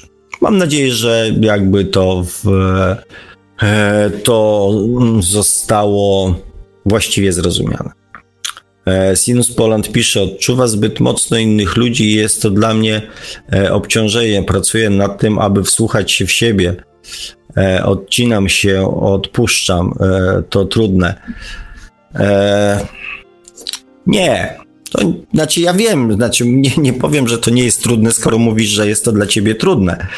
E, natomiast to jest też właściwa droga, ponieważ my sobie bardzo często, najczęściej przypisujemy prawo wiedzenia, co dla innych jest dobre, lepsze, właściwe, słuszne. Empatia jest takim treningiem, żeby na początku nauczyć się nie oceniać. To jest ważne, żeby zrozumieć, ale nie oceniać. Niestety, e, bardzo często ludzie rozumieją innych ludzi, ale co? Mm, ale po swojemu. E, Van Dust pisze, ja on chyba nie masz tu braci i sióstr, nikt cię nie powitał, e, ja cię powitam, cześć. No ja też powitałem, więc e, przynajmniej jednego brata masz. E, no i dwóch, już widzę. E, Grzesław pisze, do Iwonki, więc piszę do Iwonki. Iwonka pisze, empatia to nie y, litość, to słuszna decyzja, że na przykład trzeba pomóc, e, której potem nie analizujesz w kontekście dobrego uczynku. No i Fajnie dodzwonił się do nas pan Kazimierz. Halo, halo, panie Kazimierzu, czy się słyszymy? Halo, halo, panie Kazimierzu. Halo, halo.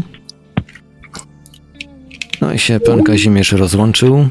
Muszę zobaczyć, Może to czy... telefon pana Kazimierza postanowił do nas zadzwonić. No, muszę zobaczyć, czy tutaj, I bo ja tutaj miałem troszkę problemów z przeglądarką. Jedną na drugim komputerze, ale chyba Skype nas powinien słyszeć. O, dzwoni jeszcze raz. Zobaczymy, czy się uda połączyć. Halo, halo, panie Kazimierzu, czy się słyszymy?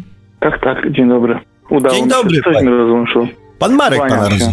Pan Marek pana rozłączył. Tak? Nie. Aha, okej. To nie ja. Tak, Przed, przed audycją pan Marek mówi, że jak pan Kazimierz zadzwoni, to go rozłączy.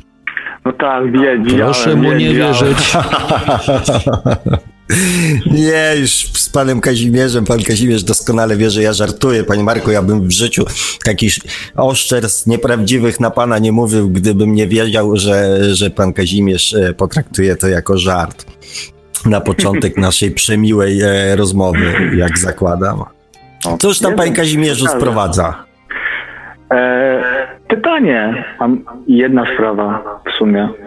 E, nad, nad jedną rzeczą się zastanawiam, tak naprawdę, bo nie wiem, czy pan zauważył, bo my mówimy, mm, dzisiaj, dzisiaj pan mówił e, na temat tego, że, za, że zaczynamy w drugich, w innych ludziach. Mm, że zaczynamy pa- patrzeć nie tylko na siebie, tylko na innych ludzi. Natomiast ja widzę jeszcze jedną rzecz i, i, i tutaj myślę, że ciekawe za, za, za, zagadnienie. No bo załóżmy, że mamy spór ideologiczny. Załóżmy, że mamy jakąś sprawę związaną z poglądami, tak? Teraz myślę, że będzie dużo ciekawych y, rzeczy się działo, bo nie tylko ideologia w stylu aborcji, ale jeszcze pełna wojna pomiędzy niezdefiniowanymi ob- obszarami, nie wiem, lewica, prawica, religia, ateizm i, i tak dalej. Ale ja mam takie jedno pytanie. Ja cały Czy- czas słucham. Czy zwrócił Pan uwagę na to?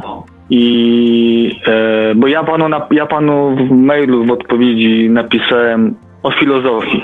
Pan tam wie o co chodzi. O elemencie filozofii. Nie bez powodu, no bo załóżmy, że jestem zwolennikiem aborcji albo przeciwnikiem aborcji. I fundamentalne pytanie brzmi dlaczego? Chociaż na tym prostym przykładzie, bo to jest aktualne, więc odnośnie, odnośnie tego nie ma znaczenia, to tak naprawdę w moim wywodzie ten temat. Istotne jest to, że najczęściej ciągle dzisiaj trwamy przy czymś takim jak, bo taką mam opinię, która nie wynika z niczego. Czasami z emocji, to fakt, bo ktoś, bo nie wiem, bo coś na mnie emocjonalnie działa, czasami z, z jakichś tam doświadczeń, ale zwykle, zwykle, najczęściej. To jest po prostu jakaś taka pusta ideologia gdzieś tam błyska i to jest kompletnie pozbawione jakiegokolwiek ładu i składu. Po prostu tak uważam, tak mi coś mówi i tak jest. Czy nie Wiemy, co brakuje mu- panu, wiemy, co panie mówi. Sławku, No. Słucham? Nie, no wiemy, co mówi, co nam tak mówi, nie? No doskonale wiemy, co nam tak mówi. No. Yy, No, nie może jedno i to, nie, nie może to samo źródło dwóch, dwóch, dwóch rzeczy mówić, różnych, sprzecznych dwóm różnym osobom. Więc moje pytanie takie pierwsze przy, przynajmniej, nie wydaje się panu, że naprawdę brakuje nam takiej wewnętrznej fi, filozofii, takiego sensu ładu składu? Ależ oczywiście, że brakuje. Na przykład jeżeli, za, załóżmy, że jeżeli ja mówię, znaczy jeżeli tworzymy filozofię, z której wynika, że aborcja jest zła, na przykład, tak? Bo tak wynika z tej filozofii. To czy nie powinno być na przykład tak, że mając dobrą, dobre podejście, czyli fi, fi, filozoficzne, to nie ma miejsca na krzyki, że ja chcę aborcję, tylko jest miejsce na to, żeby za, zaprezentować alternatywną filozofię, też konsekwentną, czyli inne podejście do całości, z której to wynika konkretny zmieniony aspekt. Czy na Tylko wie pan, filoz- nie wiem, czy jest Nie, filo- nie, panie Kazimierzu, filozofia, która e, tworzy kolejną ideologię, przestaje być filozofią, a staje się ideologią, tak? Jeżeli... Nie, filozofia, a ideologia nie. Ideologia No, ale no to właśnie, jest, nie, nie, ideologia się do... to jest filozofia dla upośledzonych intelektualnie. Ja mówię E, o filozofii. E, Pan panie się posługuje w pewnym sensie filozofią cały, cały, cały czas. Tylko nie, Nie, ja się, ja się, ja się odwołam, ja się odwołam do tego, co pan powiedział. Pan powiedział, że e, jeżeli jest jakaś ideologia, która mówi, ja jestem przeciwny aborcji i kierując się filozofią, przedstawiamy mu, tak jak pan powiedział, alternatywną wersję, to to już przestaje być filozofią. Tylko pan przedstawia mu drugą formę, inną formę ideologii. Nie. Ideologia a filozofia są dwie inne rzeczy. Dlatego, dlatego właśnie mówię, nie, nie, jeżeli za pomocą filozofii tworzymy następną ideę, to filozofia przestaje być filozofią, a staje się inną ideą. Nie, my- Filozofia w tym filozofia wypadku, mnie- fi, tak, filozofia w tym wypadku powinna e, zareagować w ten sposób. Jeżeli jesteś przeciwko, to masz do tego całkowite prawo. To jest twoje prawo być przeciwko. Ja do tego nic nie mam. Eee, do, w dobrym kierunku pan idzie. Dzięki. Tutaj. I za, za, zaczynamy się schodzić. okej.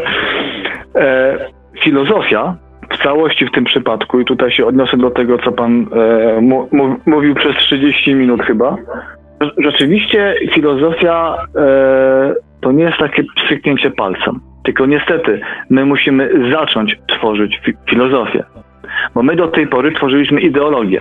Filozofia nie ma być z reguły słuszna, właściwa, idealna, że wszyscy mają być happy. Fi- filozofia dlatego jest tutaj istotna dla mnie, po, po, ponieważ nie może, człowiek nie może podchodzić do, do, do, do czegoś tak, takiego, że mam fragmentaryczną opinię na, na jakiś je, jeden temat i to musi być przez wszystkich e, zaakceptowane, bo ja mam po prostu rację, będę krzyczał i walczył. A nikt nie zadaje sobie pytania, jak ta moja opinia wygląda w całokształcie. W efekcie mamy sy- sytuacje takie, że tam, gdzie mi pasuje, to jestem za tym, żeby kogoś zabić. Tam, gdzie mi nie pasuje, to mamy nie zabijać, czyli nie wiem, mamy nie zabijać morderców, ale krzyczymy, żeby za, za, zabijać naszych przeciwników i nie wiem, i, i, ideologicznych, gdzie są dwie sprzeczności, czyli nie mamy konsekwencji, nie mamy mądrości. Filozofia byłaby takim pewnym elementem z którego by wynikało, przypuśćmy, prawo i nasze rozumowanie, zastanawianie się po ludzku i po duchowemu. I finalnie można wykreować po pewnym czasie, po kilkuset pewnie latach, właśnie takie ciekawe podejście, gdzie e, alternatywne właśnie chociażby do, do aborcji, gdzie jest bardzo trudny temat, tak, że no, no, aborcja jest, jest tematem o tyle trudnym, że, że wymaga tak naprawdę no, ani ideologii, tylko właśnie konkretnie jakiejś konkretnej fil- filozofii. Gdzie na przykład, Kazi- nie wiem, no Panie Kazimierzu, ja powiem tak. E, my oczywiście jak zawsze mówimy o tym samym, nie? E, tylko, że ja e, to nazywam jakby innymi słowami, tak? Bo dla mnie to, co pan nazywa filozofią, nie jest nic in, innym jak świadomością. Natomiast ideologia to jest, e, to jest nasza podświadomość. To jest znaczy, za, zapodane, prawie, zapodane, nam, zapodane nam pewne wzorce, nad którymi my się nie zastanawiamy, tylko po prostu one są nam zapodane, tak? Bo ideologia to jest coś takiego, w co się wierzy, a niekoniecznie trzeba to rozumieć. to ja powiem panu inaczej. Filozofia to jest uporządkowana świadomość. Uporządkowana. A jak wygląda nieuporządkowana świadomość? To jest ideolo, to znaczy uporządkowana, bo jeżeli przypuśćmy ja mam świadomość i to jak przypuśćmy, nie wiem, e, o, pan na przykład to co mówi, to mówi w sposób e, fragmentaryczny, taki nieu- nieuporządkowany, bo pan nie potrzebuje tego, e, tego porządkować, tak?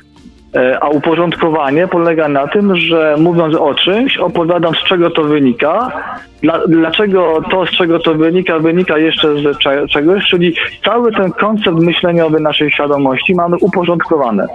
Może to być koncept świ- świadomości gdzieś zawsze błędny, bo my się rozwijamy, tak? Na dany moment może być właściwy. A Potem ma pan, może go będzie trzeba panie Kazimierzu, zmienić. jak ma, pan tak, jak ma pan taką potrzebę, żeby sobie to porządkować, to proszę uprzejmie. Natomiast ja Mhm. uważam, że mm, że świadomość e, jest uporządkowana sama w sobie, ponieważ e, w pewnym sensie nasza świadomość jest oparta na wnioskach, e, które wyciągnęliśmy na skutek wzięcia pod uwagę aspektów, których nie widzimy, będąc tutaj na Ziemi. Więc nasza świadomość bazuje już na wnioskach. Natomiast jeżeli Pan chce mieć pamięć tych wniosków, do jakich Pan doszedł, nie wiem, 100 lat temu, 200 lat temu, 300 lat temu, to okej, okay. ma Pan takie, że tak powiem, prawo i, i jakąś taką wewnętrzną potrzebę, tak? Dla mnie, ogólnie rzecz biorąc, cała rozmowa, choćby była nie wiem jak długa, ważne jest, żeby zakończyła się wnioskiem. I z całej tej dyskusji najważniejszy jest wniosek. Nie argumenty, które padły, tylko wnioski, do jakich się doszło. Natomiast jeżeli pan chce pamiętać całą rozmowę, jest to dla pana ważne, żeby to pamiętać, to oczywiście jak najbardziej jest to pana jakby po pierwsze wolna wola, pana prawo, pana wybór, pana potrzeba. Ja wolę zapamiętać, e, że tak powiem, wnioski. Bo mniej, że tak powiem, mam zaprzątnięty twardy dysk e, e, rzeczami, które, które jakby do tych wniosków mnie doprowadziły. Ale to mówię, to jest moja jakby, mój sposób działania, mój sposób postępowania, mój sposób myślenia, tak? Ja czasami uważam, że nadmiar wiedzy mm, właśnie prowadzi do tego, że zamiast skupiać się na wnioskach, my bardzo często skupiamy się na argumentach. I często nadmiar argumentów nie prowadzi do żadnego wniosku. Ja wolę wnioski. Ja wolę jakby finał tego wszystkiego. Wie pan, to jest tak jak picie wódki i się nie upicie. No to albo jazda samochodem i nie dojechanie do, do, do celu, nie? Ja wolę dojechać do celu. Ja wolę jakby mieć wniosek. E, natomiast no taki jestem może leniwy trochę, ale chciałbym, żeby proces dyskusji był jak najkrótszy, a jak najszybciej pojawił się wniosek, żeby można było usiąść do następnej dyskusji i wyciągnąć następny wniosek i tak dalej, i tak dalej, nie? Taki jestem, mówię, leniwy trochę, no. No, my mamy takie o tyle różne podejście, że Pan podchodzi do rozwoju duchowego na zasadzie pewnej osobistej podróży, takiej indywidualnej, takiej troszeczkę, trochę nawet sam, samolubnej, bo pan się rozwija, ktoś się rozwija, e, trzeba się w tym jakoś odnaleźć, samemu się w tym odnaleźć. No ja bardziej podchodzę do tego, że jednak jak, e, no bądźmy szczerzy, tak, ja, ja gdybyśmy, gdyby chodziło o taką samolubność, że się że ja się mam tylko i wyłącznie rozwijać, to to by nie miało sensu, bo nie byłoby w tym w ogóle żadnej mądrości. No po to jesteśmy razem, po to jesteśmy w grupie, że z tego dopiero się uczymy. Z tego też siebie poznajemy poprzez własne i odbieranie siebie i, i, i, i, i reakcje wzajemne na, na siebie, wrogość, przyjaźń, odnajdywanie się rzeczywiście w tym. Natomiast uważam, że rozwój to też polega na tym, że jednak potrafimy z czasem coś uporządkować. Czyli możemy podchodzić na zasadzie wniosków, że mamy jakieś wnioski, tylko nie wiemy, z czego, z, cze, z czego te wnioski zostały wyprowadzone. Uważam, że właśnie taka podstawowa, pewna filozofia, no bo chociażby, jeżeli mamy się odnieść odnośnie tego, czy y, w jaki sposób my traktujemy chociażby aborcję, to musimy jasno powiedzieć, jak podchodzimy do tego, czym jest życie, co, co, co jest przed życiem, po życiu, czy, czy wierzymy, ustalić pewne podstawowe rzeczy, z których coś będzie wy, wynikać. No tak, ale czy my musimy, czy my, czy, ale czy my musimy później o tym pamiętać? Jeżeli już y, musimy o tym pamiętać prowadząc rozmowę, tak, z drugą osobą żeby powiedzmy przedstawić swoje argumenty, bądź samemu się zastanowić nad argumentami, czy motywami swojego postępowania, czy e, podstawami swoich poglądów, tak? To tak, to jest nam ważne, żebyśmy jakby te, e, te podstawy poznali. Żebyśmy wiedzieli, czy to jest e, efekt właśnie ideologii, którą nam ktoś narzucił, czy kwestia jakiegoś rozsądzenia pomiędzy różnymi aspektami, które wzięliśmy pod uwagę. I to jest ważne w celach poznawczych, w celach, e, nie wiem, rozmowy z drugim człowiekiem, czy chęci przekonania go, czy przedstawienia mu swoich argumentów, tak? Natomiast jeżeli już ta rozmowa się zakończy wnioskiem, że ja jestem przeciwny aborcji albo jestem za aborcją, to czy musimy pamiętać całą tą rozmowę? Czy możemy skupić się tylko na tym, żeby zapamiętać wniosek? Czy chciałby pan pamiętać wszystko to, co wydarzyło się w pana wszystkich wcieleniach, na skutek których posiada pan taką świadomość, jaką pan posiada dzisiaj? Czy chciałby pan to wszystko pamiętać? Mieć w pamięci nie te wszystkie. argumentu w tym momencie. Słucham? Nie, nie nadążam za tym argumentem, bo nie widzę e, e, zbieżności W czym? w dwóch wątkach. Dla, y, których? E, Nie rozumiem, co pan ma na myśli, po prostu odwołując się do pamiętania, w cudzysłowie, całej rozmowy, pamiętania wcieleń. Po prostu nie rozumiem tego. Nie- Ponieważ nie, dla- nie nadążam, mnie- nie widzę tego. Okej, to już postaram się to, panie Kazimierzu, mm, w jakiś taki y, uporządkowany Bo sposób może tutaj jest takie coś, że gdzieś jest między nami niezrozumienie i to, i to może być istotny aspekt. Jak zawsze, wie pan, no, jak zawsze w naszych rozmowach, tak? Ja, ja cały czas upieram się przy tym, że my rozmawiamy e, najczęściej o tym samym, tylko często używamy innych inne słów do określenia tego. I dla mnie na przykład to, co pan nazywa, mówię, filozofią, dla mnie jest świadomością. I to, co ja powiedziałem jakby tam parę zdań wcześniej, że e, nasza świadomość mm, powstała na skutek wniosków, które wyciągnęliśmy e, po każdym kolejnym swoim e, zakończonym e, wcieleniu, po każdej kolejnej inkarnacji. I ja się do tego odwołuję, tak, że my A mogę e, w świadomości mamy zapisane wnioski. Nie, nie pamiętamy tego wszystkiego, na podstawie czego te wnioski wyciągnęliśmy. Ale okej, to y, bo mniej więcej chyba już y, załapałem, to może inne pytanie w tym przypadku. Okej. Czy jeżeli mamy duszę, uznajemy, że, że, że mamy duszę, tak? Mhm. Uznajemy, że mamy świadomość. Mhm. To teraz proste pytanie, które myślę, że rozwieje to, w jaki sposób obydwoje postrzegamy to, to o czym teraz jest mowa. Czy jeżeli mamy duszę, jeżeli, mówimy, jeżeli uznajemy, że mamy duszę, uznajemy, że mamy świadomość, e, można powiedzieć, nie wiem, jeszcze jaźń, to jeszcze rozdzielać, to czy po prostu mamy sobie żyć i uznawać, że pewien rozwój jest naturalny na podstawie pewnych decyzji poza przed naszym urodzeniem i płyniemy jak statek na, na, na, na falach? Czy może powinniśmy bardziej koncentrować się świadomie na dbaniu i pielęgnowaniu aspektów duchowych i, i świadomościowych? Bo dla mnie odwołanie się do potrzeby uporządkowania we w koncept, w konspekt filozoficzny jest pielęgnacją ducha i pielęgnacją świadomości. Tym samym. Tak to postrzegam. Jak pan to postrzega? Powiem tak, nie do końca. Czy sobie po prostu płynąć Hmm. prądem? Bo, jak, bo ja- jakiś się rodzę, żyję, w jakiś sposób to mnie uczy, więc daje mi to dalszy rozwój, więc nie muszę w sumie specjalnie się koncentrować na pielęgnacji, bo i tak wychodzi pewien postęp. Albo, nie wiem, regres, jakkolwiek. Ale ewolucja jest, ta duchowa.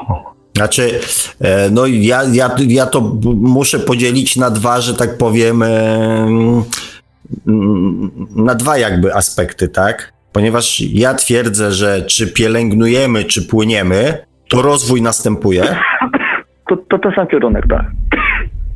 E, to, to rozwój następuje, tak? Natomiast w momencie, kiedy chcemy ten rozwój prowadzić w sposób świadomy i w jakiś sposób, nazwijmy to, kontrolowany, no to wtedy już musimy się skupić na tym, żeby pielęgnować. Żeby, e, mając świadomość tego, że nasze myśli kreują naszą przyszłość, to już musimy te myśli zacząć pielęgnować. Musimy o nie dbać.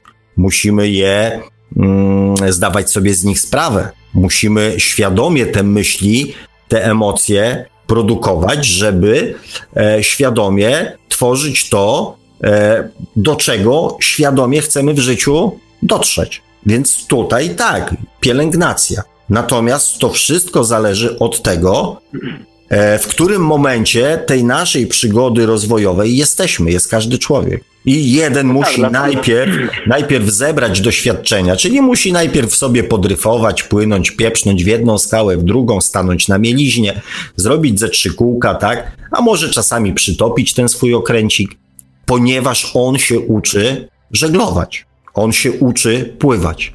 W momencie, kiedy już chce zapierdzielać między rafami e, z prędkością tam siedmiu węzłów, no to już wtedy musi pielęgnować, musi to kontrolować i musi jakby nad tym wszystkim czuwać, żeby się nie. No tak, tylko jest jeden problem znowu z tego wychodzi, co pan mówi. E, Jeżeli my decydujemy się jako spo, społeczeństwo, tak, podejmujemy decyzję pielęgnowania, uporządkowania tych wszystkich koncepcji w jakikolwiek sposób pierwszy, wyjściowy, potem sobie będziemy w razie czego mo- modyfikować, tak? Ale koncept filozoficzny, za, za, załóżmy, to pan mówi, że ktoś może potrzebować sobie dryfować i próbować. No to po pierwsze, e, w momencie, kiedy my byśmy się zdecydowali już na, na taki rozwój, żeby to wszystko ogarnąć bardziej do kupy, siebie wspólnie, bo razem w tym jesteśmy, to niekoniecznie ten ktoś, kto chce sobie dryfować, musi tu przychodzić. Może sobie przychodzić tam, gdzie jeszcze się nie zdecydowali. Czyli podnosimy razem, społecznie, społecznościowo nasz duchowy poziom do takiego miejsca, w którym już zaczynamy porządkować te wszystkie doświadczenia, które mieliśmy, po to, aby ktoś, kto przychodzi tutaj, już miał pewien taki ła- łatwiejszy start, ponieważ dzisiaj uczymy liczyć, dodawać, czy liczyć, y, czytać, mówić, y, uczymy religii, czyli, czyli jakiejś tam ideologii, ale możemy także uczyć cze, cze, czegoś, co już będzie wypracowane z, bardziej z głową, konsekwentne, na zasadzie podejścia filozoficznego. Znaczy, tu pan poruszył, tu pan poruszył bardzo taki w sumie ważny i poniekąd e, kluczowy e, moment dla zrozumienia też tego, w jakim miejscu e, my jako ludzkość się znajdujemy, tak? Bo, D. bo Duże D. duże D? Tak. Dlaczego, dla- jak, jak to duże D? Co to znaczy duże D? No jeszcze w dużej czarnej D. E, że, a, no nie, no spokojnie, to już wie pan, z Jaskim wyszliśmy jakiś czas temu, więc to może bez tragedii, no. Samolotami w kosmos latamy, więc no nie jest tak najgorzej, nie? E, natomiast y, chodzi mi o ten aspekt, że pan mówi, że że stworzymy jakieś warunki już będąc jako społeczeństwo, jako cywilizacja, jako ludzkość już bardziej ufilozoficznieni, tak? Bardziej świadomi, że Uporządkowani. tak, że ci, którzy przyjdą, którzy się będą inkarnowali, że oni będą już mieli łatwiej. Nie, oni nie będą mieli łatwiej. Bo mój przykład, powiedzmy, e, myśli pan, że gdybyśmy, nie wiem, dziecko z trzeciej klasy zabrali na uniwersytet, to jemu będzie łatwiej? Nie, nie odnajdzie się. Pominął pan ten koncept znowu. Co ja, co ja powiedziałem, pominął pan to. Nie, nie pominąłem. My tworzymy tutaj jako społeczeństwo, jako ludzkość jakiś koncept. Świadomy koncept, filozoficzny koncept, tak? Tak, ale pominął pan że jedną rzecz, że pan powiedział, że do tego świata koniecznie musi przyjść ktoś, No. znaczy, że może przyjść ktoś, przypuśćmy do świata uniwersyteckiego, musi przyjść prze, prze, przedszkolak. Ale właśnie może chodzi o to, że, żeby w ramach tej zmiany, która następuje, nazwijmy to resetem, oddzielić No dobrze, ile, bo ja jeszcze, panie, tworzy panie, inny panie świat, Kazimierzu, bo nie skończyłem myśli, bo pan powiedział, że ja coś pominąłem, więc zatrzymałem się na Aha, moment, okej. Przepraszam, przepraszam. żeby uzupełnić, błąd, że tak powiem, swoją Tak. wiedzę o to, co pominąłem, bo być może budowanie jakiejś tam tezy na czymś, co jest niekompletne, faktycznie nie ma najmniejszego sensu, Więc tak? przepraszam, przepraszam, popełniłem podstawowy błąd, nie wysłuchałem pana, co pan ma do powiedzenia, za, za, zakładając, że wiem, proszę mi wybaczyć.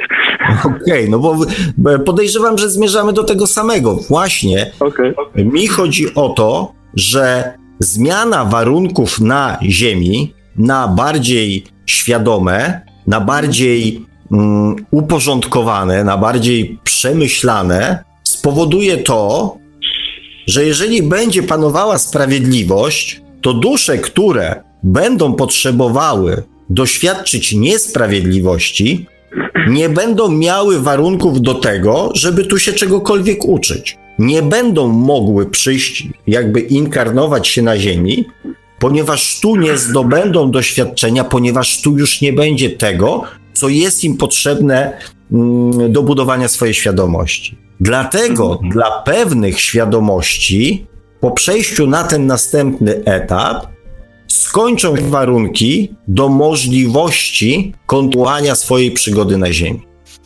O. I to jest aspekt, który pan ja proszę. Nie wiem, nie wiem. bo, No. bo chyba to zostało, bo to ja rozumiem, tylko co pan miał na myśli mówiąc, że przedszkolaka bierzemy na uniwersytet? No właśnie o to mi chodzi, że e, stworzenie. mm, A, że pozbywamy się tej możliwości, że po prostu pewne, że nie będzie się można przychodzić na, na tą ziemię w momencie, kiedy nie będzie się miało pewnego poziomu, tak? Tak, przynajmniej matury. Aha, okej. Tak, no, no, no. no ze I właśnie o to mi chodziło, okej. No. No przepraszam, Dlatego- bo założyłem, że jak pan mi tak pojechał, to, to pan inaczej na to patrzy. Mój błąd. A, Duży no, ale, ale widzi pan, dlatego ja mówię, my To często ludzie to popełniają, ten błąd. Ja się też ciągle uczę, żeby nie zakładać, co rozmówca chce powiedzieć. E, My, nie, bo my, ja, ja mówię, ja czy- czytając, że tak powiem, mówię, mimo różnej nomenklatury słownej, czytając tam troszeczkę między wierszami tego, co pan mówi, ja naprawdę widzę, e, nie zawsze tam do końca zrozumiem, bo pan też tak to trochę, e, trochę potrafi zagmatwać, nie? Nawet. e, Inaczej to układamy w głowie po prostu. E, więc y, nie, nie zawsze nadążę, nie zawsze to ogarnę, ale to zazwyczaj pytam, tak? E, albo dam sobie chwilę na przemyślenie. Natomiast my w bardzo podobny sposób myślimy e, w sensie założeń, tak? Dlatego, dlatego jeszcze wracając do tego wątku, mm, mówię, dlatego jest pewnego rodzaju przyspieszenie, dlatego też jest pewnego rodzaju przeludnienie, ponieważ jak najwięcej właśnie dusz, jak najwięcej świadomości chce nadrobić zaległości, żeby jeszcze w tym wcieleniu tą maturę ze świadomości zrobić, żeby móc mieć jeszcze prawo i możliwość e, jakby kontynuacji swojego rozwoju, swojej świadomości na Ziemi, a nie w jakichś tam powiedzmy innych, e, mniej przyjaznych mm, wymiarach, tak? No, albo takich samych. Myślę, Znaczy, że takich jest... samych jak my teraz, nie? Bo my teraz idziemy, będzie Tak, lepiej. A, wie pan, nie jestem tego taki pewien, czy nie wiem, czy to będzie aż takie lepiej. Mi, mi się wydaje, że, że zawsze jest to różnica jako raj piekło, nie? Poziom niżej piekło, poziom wyżej raj, zawsze. Ale nie wiem, czy, my, czy, czy to jest ciekawe, czy my chcemy, aby było lepiej, bo ja sam nie jestem pewien. Czy mi bardziej pasuje to, co było, czy, czy ewentualne zmiany, których za bardzo nie będę potrafił przewidzieć w tej chwili. Takie podróże w kompletne niewiadome, tak? Bo, bo ta zmiana musi być olbrzymia na, w każdym aspekcie. To po prostu świat kompletnie nie do poznania w por- w porównaniu do tego, co dzisiaj mamy. Mentalność, podejście, wszystko. Znaczy ja, ja nie wiem, jakie tam, co tam w panu tam drzemie jeszcze, więc ciężko mi mówić, natomiast e, patrząc tak Logika. jakby... Na, no to wiem. E, na przykładach, e, na przykład na jakichś tam wypowiedziach ludzi, chociażby tam e, związanych z tą naszą tutaj aborcją, tak? Kiedy gro ludzi mówi, ja nie wiem. Ja nie mam na przykład zdania na temat aborcji, tak? Na przykład jestem młodym człowiekiem, nie wiem, co bym zrobił w takiej sytuacji. Mam nadzieję, że nigdy się na przykład nie znajdę, tak? Ale przyszedłem tutaj, ponieważ chcę wolności. Chcę mieć prawo do decydowania za siebie. I u mm, podstaw tego całego społecznego wkurzenia jest właśnie potrzeba e, posiadania możliwości decydowania za samego siebie.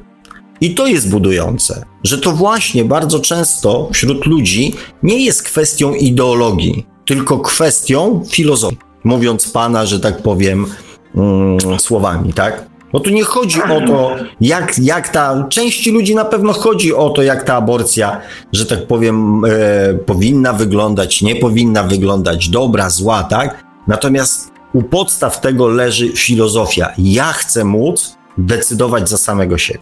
I dla mnie to jest budujące. bym- to pokazuje powiedział- kierunek. Czy rozumiem? Mhm. Tak. Tylko ja nie bez powodu powiedziałem o tym, ponieważ chciałem zaznaczyć dwie rzeczy na koniec. pierwszą rzecz, to chciałem powiedzieć, to, to zaznaczyć, że ideologia właśnie polega na tym, kiedy, żebyśmy sami na siebie spojrzeli czasem. Jeżeli wszystko musi być po mojemu, że ja na pewno mam rację, ja to co myślę, to co mi się wydaje, to jest na pewno słuszne, to to jest na pewno błędne podejście, ponieważ sam w swoim podejściu już dzisiaj widzę, że moja opinia często jest sprzeczna tym, co bym chciał, żeby było. Czyli sam rozsąd, nie na zasadzie jakiegoś zdrowego rozsądku, tylko na zasadzie konsekwentności opowiadam się za czymś sprzecznym niż to, co zostało to jakby we mnie wtłoczone przez ten świat, na który żem przyszedł. Bo często właśnie tak jest, że tu zasłyszymy coś, tam zasłyszymy coś, to taka cisza. Słuchaj mnie? Ja słucham, nie no. A okej, okay. się przestraszyłem. Słucham, Że, że w telewizji coś posłuchamy, że jakieś ideologie. Często ci, którzy mają poglądy lewicowe, siedzą w lewicowym świecie, czyli lewicowe media, lewicowe forum, lewicowi koledzy. Prawicowcy mają prawicowe, mają dwa oddzielne światy. Jedni się zastanawiają odnośnie drugich, co za debile, co za głupoty wygadują, tak? Nawzajem. I właśnie chodzi o to, że żeby umieć sobie znaleźć siłę do tego, aby po, po, po, powiedzieć, że moja opinia jest zupełnie e, e, sprzeczna, to jakby z tym, co do tej pory we mnie się skumulowało. Że nie podoba mi się moja opinia, ale uważam, że jest lepsza niż ta, którą bym miał, gdybym szedł za emocjami. W tym To sensie. strasznie, strasznie skomplikowane to, co pan powiedział. To jest dopiero Żeby walka z samym, so, z samym sobą. Żeby widzieć, e, że- żeby widzieć w swoich przekonaniach emocje po prostu i potrafić to odnaleźć w tym sensie. Powiem tak, jeżeli są emocje, to najprawdopodobniej jest ideologia. Dokładnie. I błąd koncepcyjny, tak? Bo jakby świadomość jest taka, e, świadomość i filozofia jest mm, e, bardziej mm, bezuczuciowa. Tak, Jest tak. po I- prostu dlatego, taka do tego dojdzie, zdystansowana. Tak? Podchodzi się do Tak. tego właśnie na zasadzie pewnych m, praw, jakichś tam powiedzmy, nie wiem, uniwersalnych i, i pewnego takiego stanu akceptacji, że pewne rzeczy się dzieją, bo się dziać muszą, tak? Czyli innymi słowy, e, powstaje wewnętrzna niezgoda względem samego siebie na samym początku, tak? Że, że ten emocjonalny ja jest w niezgodzie z tym, który się rozwija. O, o mówiąc prosto. No to ma pan jazdy ze sobą, panie Kazimierzu. Oj, ma pan jazdy. ej, ja już miałem, ja już nie mam, ale to, no, to, to jednak chyba jest etap, przez który trzeba przejść i każdy musi, tak? Żeby sobie odpowiedzieć na pytanie, czemu moje poglądy są właśnie takie, a nie inne. No to jest, to, znaczy, to jest fajny, e, to jest właśnie ten aspekt poznawania samego siebie, tak? Poznawania przede wszystkim Tak, swojej podświadomości, tak? Ile w naszych działaniach, w naszych przekonaniach jest właśnie tej ideologii, którą my przeklepujemy, poglądów, które przeklepujemy za kimś, kogo kiedyś bądź teraz uznajemy za autorytet, a ile jest w tym nas samych, naszych przemyśleń, naszych, e, nie wiem, analiz, zastanawiań się, czy naszego wnętrza, tak? Także to jest fajny aspekt na poznanie samego siebie. Dlatego ta cała sytuacja, która się dzieje, zmusza ludzi do tego, żeby się właśnie za pewnymi rzeczami opowiedzieli, żeby poznali samych siebie, czy kierują się w życiu filozofią, czy ideologią, tak? Czyli po mojemu mówiąc świadomością, czy podświadomością. No, powiedzmy. No, no dobrze, tak trochę się zgadzamy, nie? No, z wyjątkiem tego, że filozofia to uporządkowana świadomość. Okej, okej. A tak poza tym wszystko okej. No, Że- dobra, e, dziękuję. A może świadomość to uporządkowana filozofia, No nie, no nie. nie? Niech pan mnie tak nie próbuje od, od tej strony zajść, bo mi nie pasuje. No Logicznie. nie byłbym z tobą, panie Kazimierzu, no nie byłbym sobą. Trzeba próbować. Zawsze trzeba No, próbować. dokładnie. No mam nadzieję, że, że e, to, co po- poruszyłem, będzie ciekawe dla ludzi. Ja tam nie widzę komentarzy. Mam nadzieję, że to będzie e, ciekawe spojrzenie. E, To proszę się, to proszę się, e, że tak powiem, jak skończymy rozmowę, nie, mm, nie iść spać e, i ja zaraz będę wszystko wiedział. Okej, okej, okej. No ja cały czas jestem na, na nasłuchu. Dobrze, dzisiaj było wyjątkowo dłużej. Bardzo dziękuję e, e, za rozmowę. Jednej Ja rzeczy nie będę poruszał, bo to nie ma sensu. E, miałem, ale, ale zmieniłem zdanie, więc dziękuję Za tydzień bardzo też wszystkim. mamy audycję, panie Kazimierzu, spokojnie. Nie, nie, za, za, y, akurat myślę, że zadzwonię za dłuższy czas. Akurat tak wyjątkowo pan wziął taki temat, to chciałem po prostu. Jasne. sobie. To znaczy, nieustająco będę tęsknił w razie czego. No ja też. Dobra, dziękuję bardzo. Życzę, po, pozdrawiam wszystkich i, i do następnego kiedyś tam, jak się usłyszymy. Trzymajcie się. Dzięki. Dzięki, panie Kazimierzu. Wszystkiego dobrego. Dzięki za telefon. Dziękuję pan- panie Kazimierzu. E, My się chwilowo nie słyszeliśmy na YouTube, ponieważ coś mi się popsuło z przeglądarką internetową, coś tam popsuła się, coś tam przeglądarka e, napsuła w karcie graficznej, w sterowniku karty graficznej i niestety wysypała mi też program do nadawania na YouTube, ale chyba powinniśmy się już słyszeć ponownie. E, Mam nadzieję, że ta przerwa nie była zbyt dotkliwa dla słuchaczy. E, Przypomnę tylko kontakty do Radia Paranormalium. Nasze numery telefonów to jak zawsze stacjonarny 32 746 0008, 32 746 0008, komórkowy 536 20 493, 536 20 493, skype radio.paranormalium.pl. Cały czas także Czekamy na Państwa komentarze na e, GG pod numerem 36 08 80 02, 36 08 80 02. Jesteśmy także na czatach Radia Paranormalium na www.paranormalium.pl oraz na czatach towarzyszących naszym transmisjom na YouTube. No, mam nadzieję, że już ta transmisja na głównym naszym kanale e, wróciła. OBS pokazuje, że nadaje, także chyba wszystko jest w porządku. Mm, Oczywiście transmisję YouTube ustawiło jako niepubliczną z jakiegoś powodu, ale zaraz to naprawimy. Powinniśmy już, e, już za chwilę powinniśmy się znów zobaczyć za słuchaczami. Ja tutaj jeszcze tylko e, wspomnę, że dzisiaj postanowiłem wprowadzić taką małą zmianę w życie, mianowicie e, oddzielam w kopiuję osobno komentarze stanowiące pogaduszki między słuchaczami, Także te komentarze podeślę panu Sawkowi e, pod koniec audycji, a te od, odnoszące się stricte do audycji wysyłam panu Sawkowi na bieżąco. A ja się zastanawiałem o co chodzi, ale już się wszystko wyjaśniło. Dziękuję, panie Marku. No dobrze. No właśnie tak zauważyłem, że tutaj e, e, te komentarze dzisiaj są takie fajne. E, I właśnie wracając do komentarzy, Sinus pisze, Panie Sławku, ja zapraszam do komentowania moich postów. Wszystkie Pana uwagi i informacje zwrotne, nawet te krytyczne, są dla mnie bardzo cenne. E, o, i tu już mam konkret, także. E, a poza tym ja nie jestem krytyczny. Ja y, mogę się z kimś nie zgadzać, natomiast raczej staram się nikogo nie krytykować, jak. Jakby tak było, to przepraszam, bo intencje moje są raczej pozbawione jakiejkolwiek y, oceny kogokolwiek.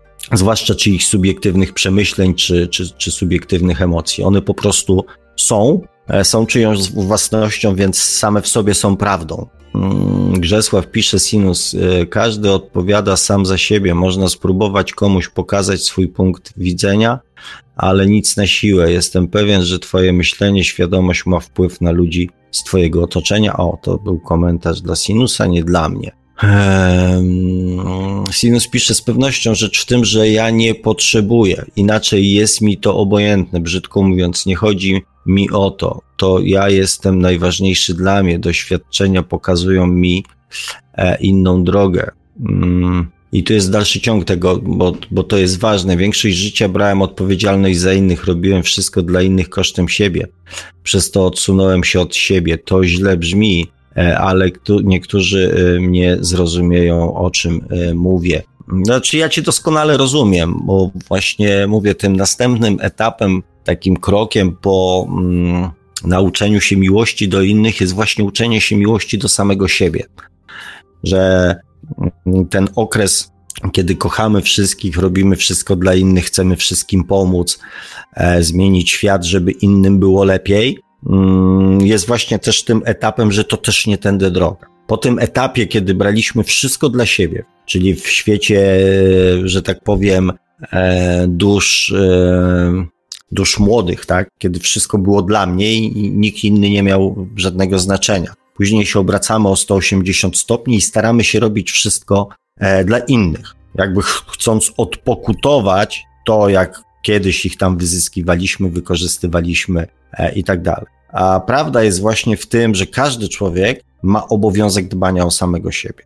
I jedyne, mm, co możemy zmienić na świecie, to samych siebie. Właśnie to skupienie się na samych sobie e, jest tym e, z mi mm, znanych tym etapem takim świadomości właściwej, kiedy pozwalamy żyć innym ludziom tak, jak oni chcą, doświadczać to, czego oni chcą i skupić się, swoje działania na samych sobie. Nie na innych ludziach, tylko na samych sobie. Także ja mm, bardzo ten etap e, popieram. Grzesław pisze, sen to medytacja, wejście w ciało e, energetyczne. E, dokładnie tak, dokładnie tak, ponieważ właśnie wyłączamy naszą podświadomość.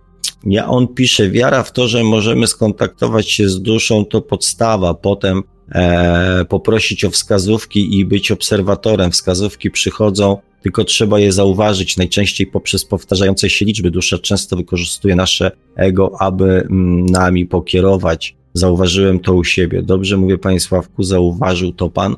Eee, to znaczy, ja nie wiem, jak to z tymi liczbami jest, tak? Bo pewnie te sposoby komunikacji są e, takie nasze osobiste, subiektywne. E, natomiast tak, doskonale to zauważyłem, że, e, że dokładnie. Mm, Dokładnie tak to wygada. Wy, wygląda, że trzeba e, jakby nauczyć się mm, te bodźce, znaczy te informacje odbierać. Mówię, sposób jest jakby dowolny, ale ta otwartość i niezakładanie, w jaki sposób ma się to odbyć, jest podstawą komunikacji. My często właśnie chcemy, żeby to było w określony sposób. I to jest błąd, bo spełnienie tych wszystkich aspektów i naszych oczekiwań czasami jest E, często pewne rzeczy, o których myślimy e, czy pragniemy, są sprzeczne ze sobą, więc realizacja jest ich niemożliwa. E, dlatego otwartość to podstawa. Sinus pisze, daje znać Państwowku, że jestem zainteresowany wątkiem kontaktu z duszą. O, to już mam jeden głos za. Zbigniew pisze, tak, Państwowku, proszę rozwijać temat kontaktu, proszę. E, mam drugi głos. Mm, Grzesław pisze do Sinus Poland, e, świetnie cię rozumiem, ja do tej pory tak mam, że prędzej z głodu umrę, jak komuś nie pomogę, ale nie potrzebuję, nie oczekuję nic w zamian. Z tym pomaganiem trzeba um, uważać. No właśnie, e, więc tu się też kłania wątek dusz starych. Um, Sinus Poland pisze, mam parę przemyśleń i jeszcze więcej pytań niż odpowiedzi. E, informacje e, pracują. No to bardzo dobrze. Tu panowie się tam wymieniają. Grzesław bardzo dobrze znam to. Dotychczas niestety e, żyłem kosztem siebie, swoich potrzeb. Potrzebuję iść inną drogą, a e, podskórne, mm, podskórnie wypływają myśli, czy ja nie powinien właśnie e, pomagać innym. Mm.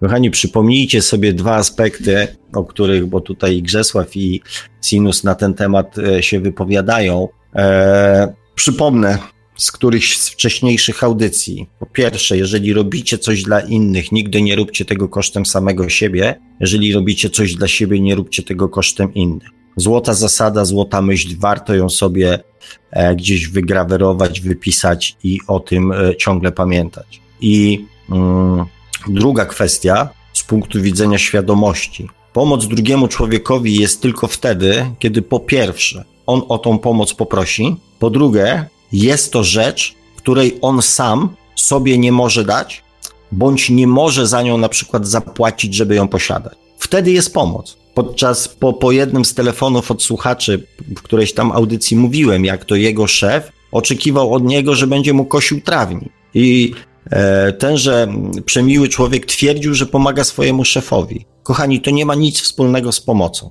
ponieważ szef mógł albo sam sobie ten trawnik skosić, albo zatrudnić kogoś, bo go było stać na to, żeby mu ten trawnik skosił. Więc z tą pomocą my często używamy słowo, że pomagamy komuś, tak naprawdę go z czegoś wyręczając. Pomoc to jest, nie wiem, jest ktoś na przykład teraz na kwarantannie, nie ma rodziny, jest sam albo, nie wiem, mieszka w Białym Stoku, a pracuje w Warszawie, mieszka sam, nie ma jeszcze przyjaciół, nie ma się do kogo zwrócić, żeby mu kupił jedzenie i postawił pod drzwiami. To jest pomoc. Jesteśmy jego sąsiadem i on nas prosi o to, żeby mu kupić bułki, bo on nie może wychodzić z domu. Okej, okay, to jest pomoc. Ale już płacenie za te bułki, jeżeli on posiada pieniądze, to już nie jest pomoc. Kupienie bułki komuś, kto jest głodny, a nie ma pieniędzy, ee, i nie dlatego nie ma pieniędzy, bo mu się nie chce robić, tylko ma trudną sytuację na przykład w danej chwili, z jakiegoś tam powodu, to jest pomoc. Natomiast y, też, nie wiem, kupowanie jedzenia zdrowemu bykowi, któremu się nie chce iść do pracy i siedzi i tylko na siebie narzeka, jak to jest w tym kraju źle, jak to prawda i tak dalej, i tak dalej, to też nie jest pomoc. Więc z tą pomocą to y, dos- trzeba najpierw zrozumieć sens tego słowa, znaczenie tego słowa, wartość tego słowa, żeby powiedzieć, że się komuś pomogło.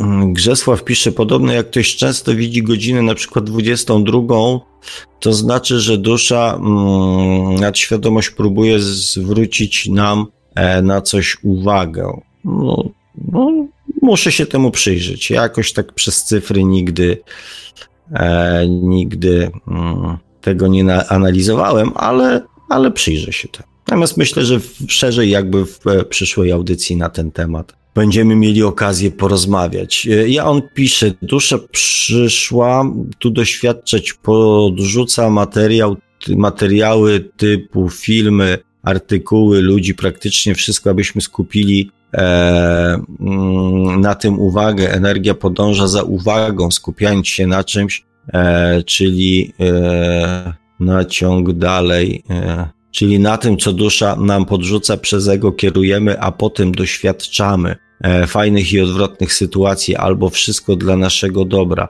Doświadczam, wzmacniam się. Dobrze mówię Państwawku? E, no nie do końca się z tym zgodzę. Mm, chociaż tu jest kilka, mm, kilka takich aspektów mm, poruszonych w tym komentarzu.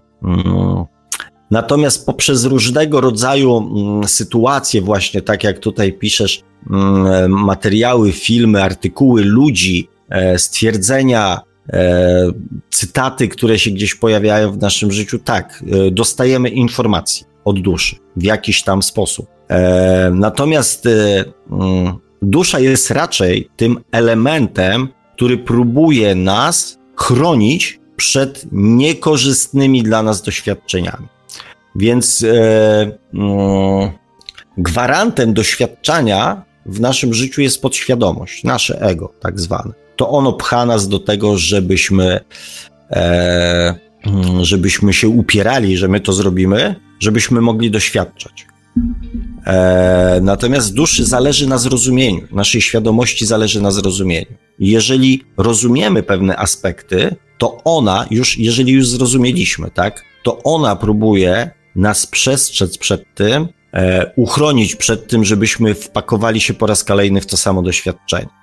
Więc raczej ona nie rzuca nam wyzwań. Mówię, dusza jest tym elementem, który ma nas przed, przed pewnymi rzeczami chronić. Mm, Grzesław pisze, przez świadome sny można dużo zrozumieć, ale e, takie sny nieczęsto się zdarzają i nie wszystko e, zapamiętamy. Mm, no to jest kolejny aspekt. To cały czas mam taki malutki wyrzucik sumienia, że z Jubim e, do tego tematu nie usiedliśmy w końcu. Renatka pisze, e, czy jeśli ja nie lubię swojej pracy, mm, to moja dusza też? E, tak, tak. Generalnie rzecz biorąc, wszystko, co jest dla ciebie mm, niefajne, jest niefajne również dla twojej duszy. I bardzo często ta niefajność wynika z tego, że to właśnie dusza ci mówi: zmień to. To nie jest dla ciebie. To dla ciebie jest coś innego. Zajmij się tym, co lubisz, zajmij się, idź za tym, co kochasz, idź za tym, co sprawia ci radość. Ja on. Powtarzające się liczby to podstawa do kontaktu z duszą. Wpisać w Google powtarzające się liczby lub anielskie liczby. Wpiszę. E, ja on pisze, duszy jest obojętne, E, jak zarabiasz na życie. E, natomiast duszy nie jest obojętny nasz stan emocjonalny. Jeżeli my się z tym e, w jakiś sposób źle czujemy, e, to, mm, to jej to nie jest obojętne. Grzesław pisze, nasza dusza to my sami. Oczywiście, że tak. No i tu znowu się pojawia wątek, dusza przychodzi ewoluować mm, poprzez doświadczanie.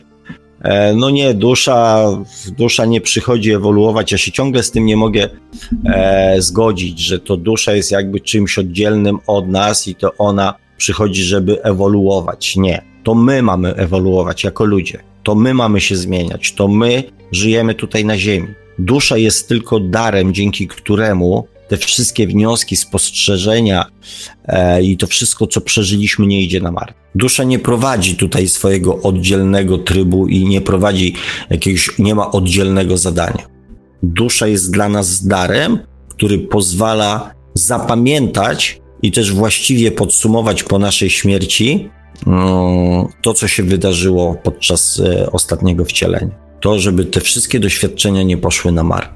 Ewelina pisze, skoro na świecie jest coraz większy problem z depresją i innymi chorobami psychicznymi, czy to ma związek e, ze starzeniem się dusz? E, czy ta koleracja może być e, przypadkowa? Nie jest przypadkowa. Nie jest przypadkowa, ponieważ z jednej strony depresję to jest stan mm, mm, niespełniania czyichś oczekiwań, również swoich. E, dusze dojrzałe są bardzo często uwrażliwione, znaczy są uwrażliwione, z założenia są uwrażliwione, więc e, mm, dusze dziecięce na przykład nie, nie, nie, nie, nie są w stanie sprostać oczekiwaniom e, innych, tak? Te naciski tych grup, które mm, czegoś od nas oczekują, są coraz silniejsze, coraz mocniejsze. E, I też e, ta, ta często depresja jest związana z tym, że my się nie możemy odnaleźć tutaj na, na Ziemi. Nie wiemy o co chodzi. To w ogóle jakby zostaliśmy wsadzeni w scenariusz, który, e, z którym my się nie zgadzamy.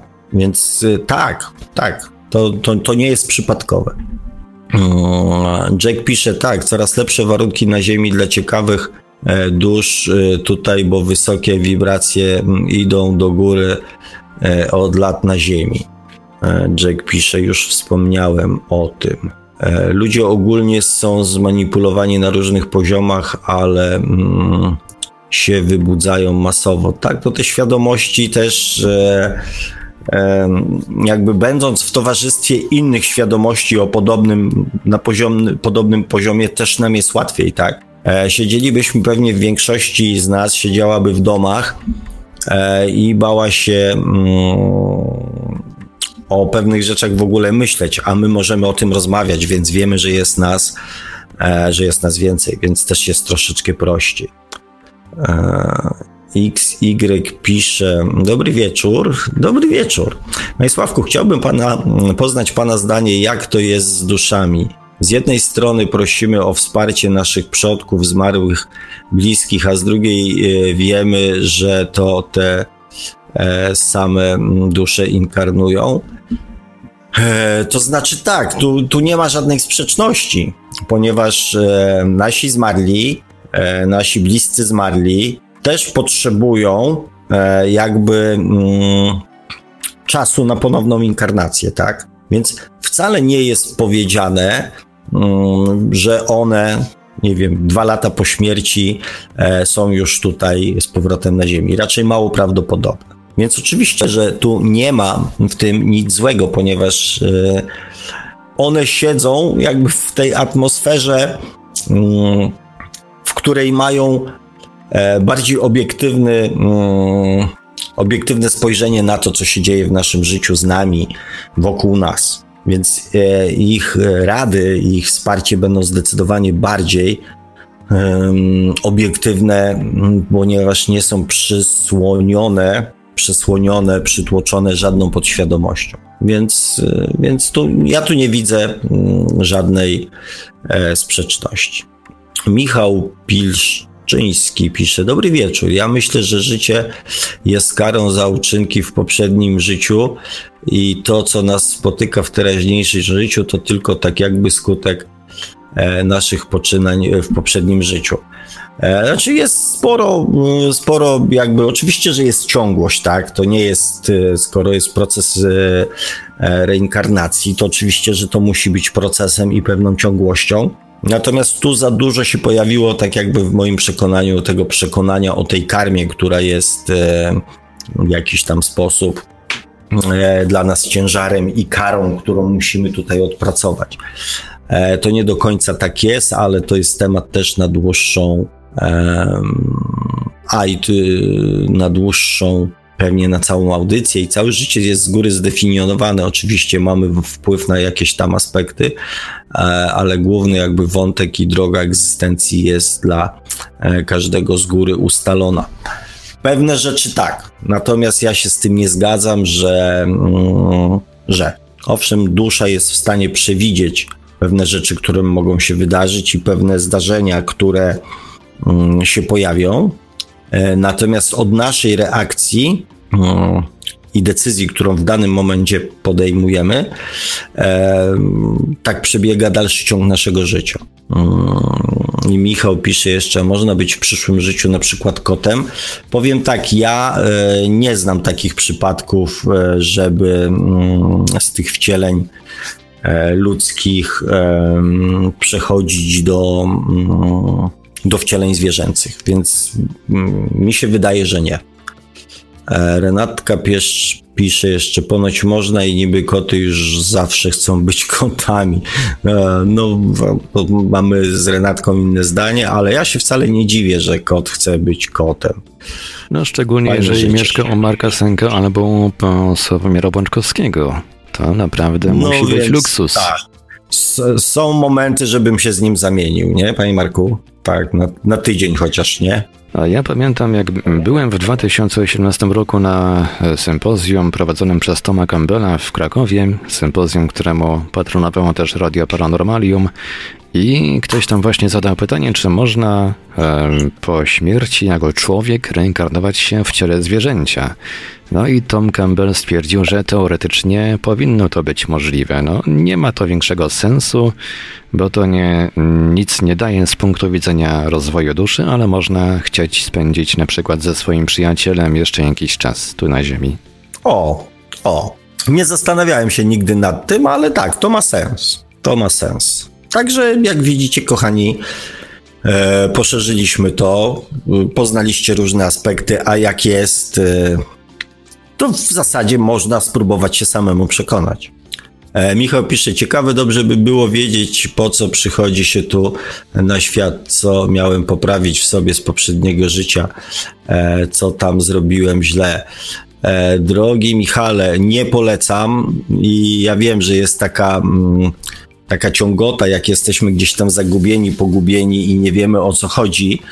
Natomiast tak jak e, procesem regresyjnym, mówię, jeżeli ktoś nie ma jeszcze wypracowanego mechanizmu nauki wybaczania, e, to mm, nie polecam regresingu, bo zetknięcie się po raz kolejny z czymś, co już nasza świadomość jakby zamknęła jakiś tam etap, i zmierzenie się często z nieprzyjemnymi sytuacjami z poprzedniego wcielenia może spowodować proces, że zaczniemy się za pewne rzeczy obwiniać i zamiast iść do przodu, e, możemy się cofnąć.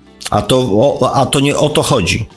Żebyśmy jeszcze raz przeżywali coś, e, co, e, co, co już się wydarzyło. Także tu warto się zastanowić nad tym, czy na pewno czy na pewno tego chcecie? Michał pisze jeszcze, mm, oj, to musiała być straszna osoba, biorąc pod uwagę moje teraźniejsze życie. Przeszedłem w wypadki i tym podobne. Moje życie nie jest usłane różami, jak to się e, potocznie mówi. Mówią ludzie, że dobro, które wysyłamy, pomaga, pomagamy i tym podobnie to dobro wraca, ale to nieprawda. No powiem tak, to jest, e, drogi Michale, twój jakiś tam przypadek. E, natomiast e, ja znam wiele osób, które, mm, których życie nie jest usłane różami. Ja się też do takich osób zaliczam, tak? E, I mm, najczęściej to ma jakiś sens. Więc jeżeli mm, chciałbyś o tym porozmawiać, to też zapraszam Cię już bardziej do, do, do indywidualnego kontaktu, ponieważ, ponieważ nie zawsze antena i później wrzucanie tego na, e, do internetu jest dobrym miejscem, żeby o pewnych rzeczach mm, mówić, a też bez poznania pewnych rzeczy ciężko mi będzie coś więcej mm, Tobie powiedzieć. E, Grzesław też napisał, e, jeżeli ktoś oczekuje, że dobro wróci, to, e, to nie wróci. No więc właśnie, nasze oczekiwania są najczęstszą przyczyną rozczarowań.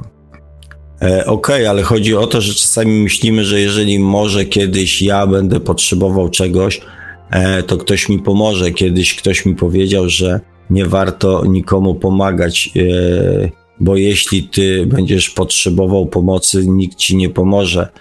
E, nie, może, nie wiem, e, co może e, wynikało z jego doświadczeń. E, to znaczy, drogi Michale, to na to ci odpowiem, tak? E, to jest właśnie taka. Mm, tu się kłania mm, audycja o intencjach, E, kiedy mm, jeżeli w naszym działaniu motywem jest to, że pomożemy komuś, bo jeżeli my kiedyś będziemy potrzebowali e, pomocy, to będziemy, to zbudujemy sobie taki jakby kredyt wdzięczności u innych osób, e, to jest najprostsza, najszybsza droga do różnego rodzaju porażek życiowych, ponieważ my już często wiemy, na jakiej drodze jesteśmy i do czego zmierzamy, i próbujemy sobie zbudować taki właśnie bagaż, mm, e, kredyt e, wdzięczności u innych. To nie jest dobra droga. To się zawsze źle kończy.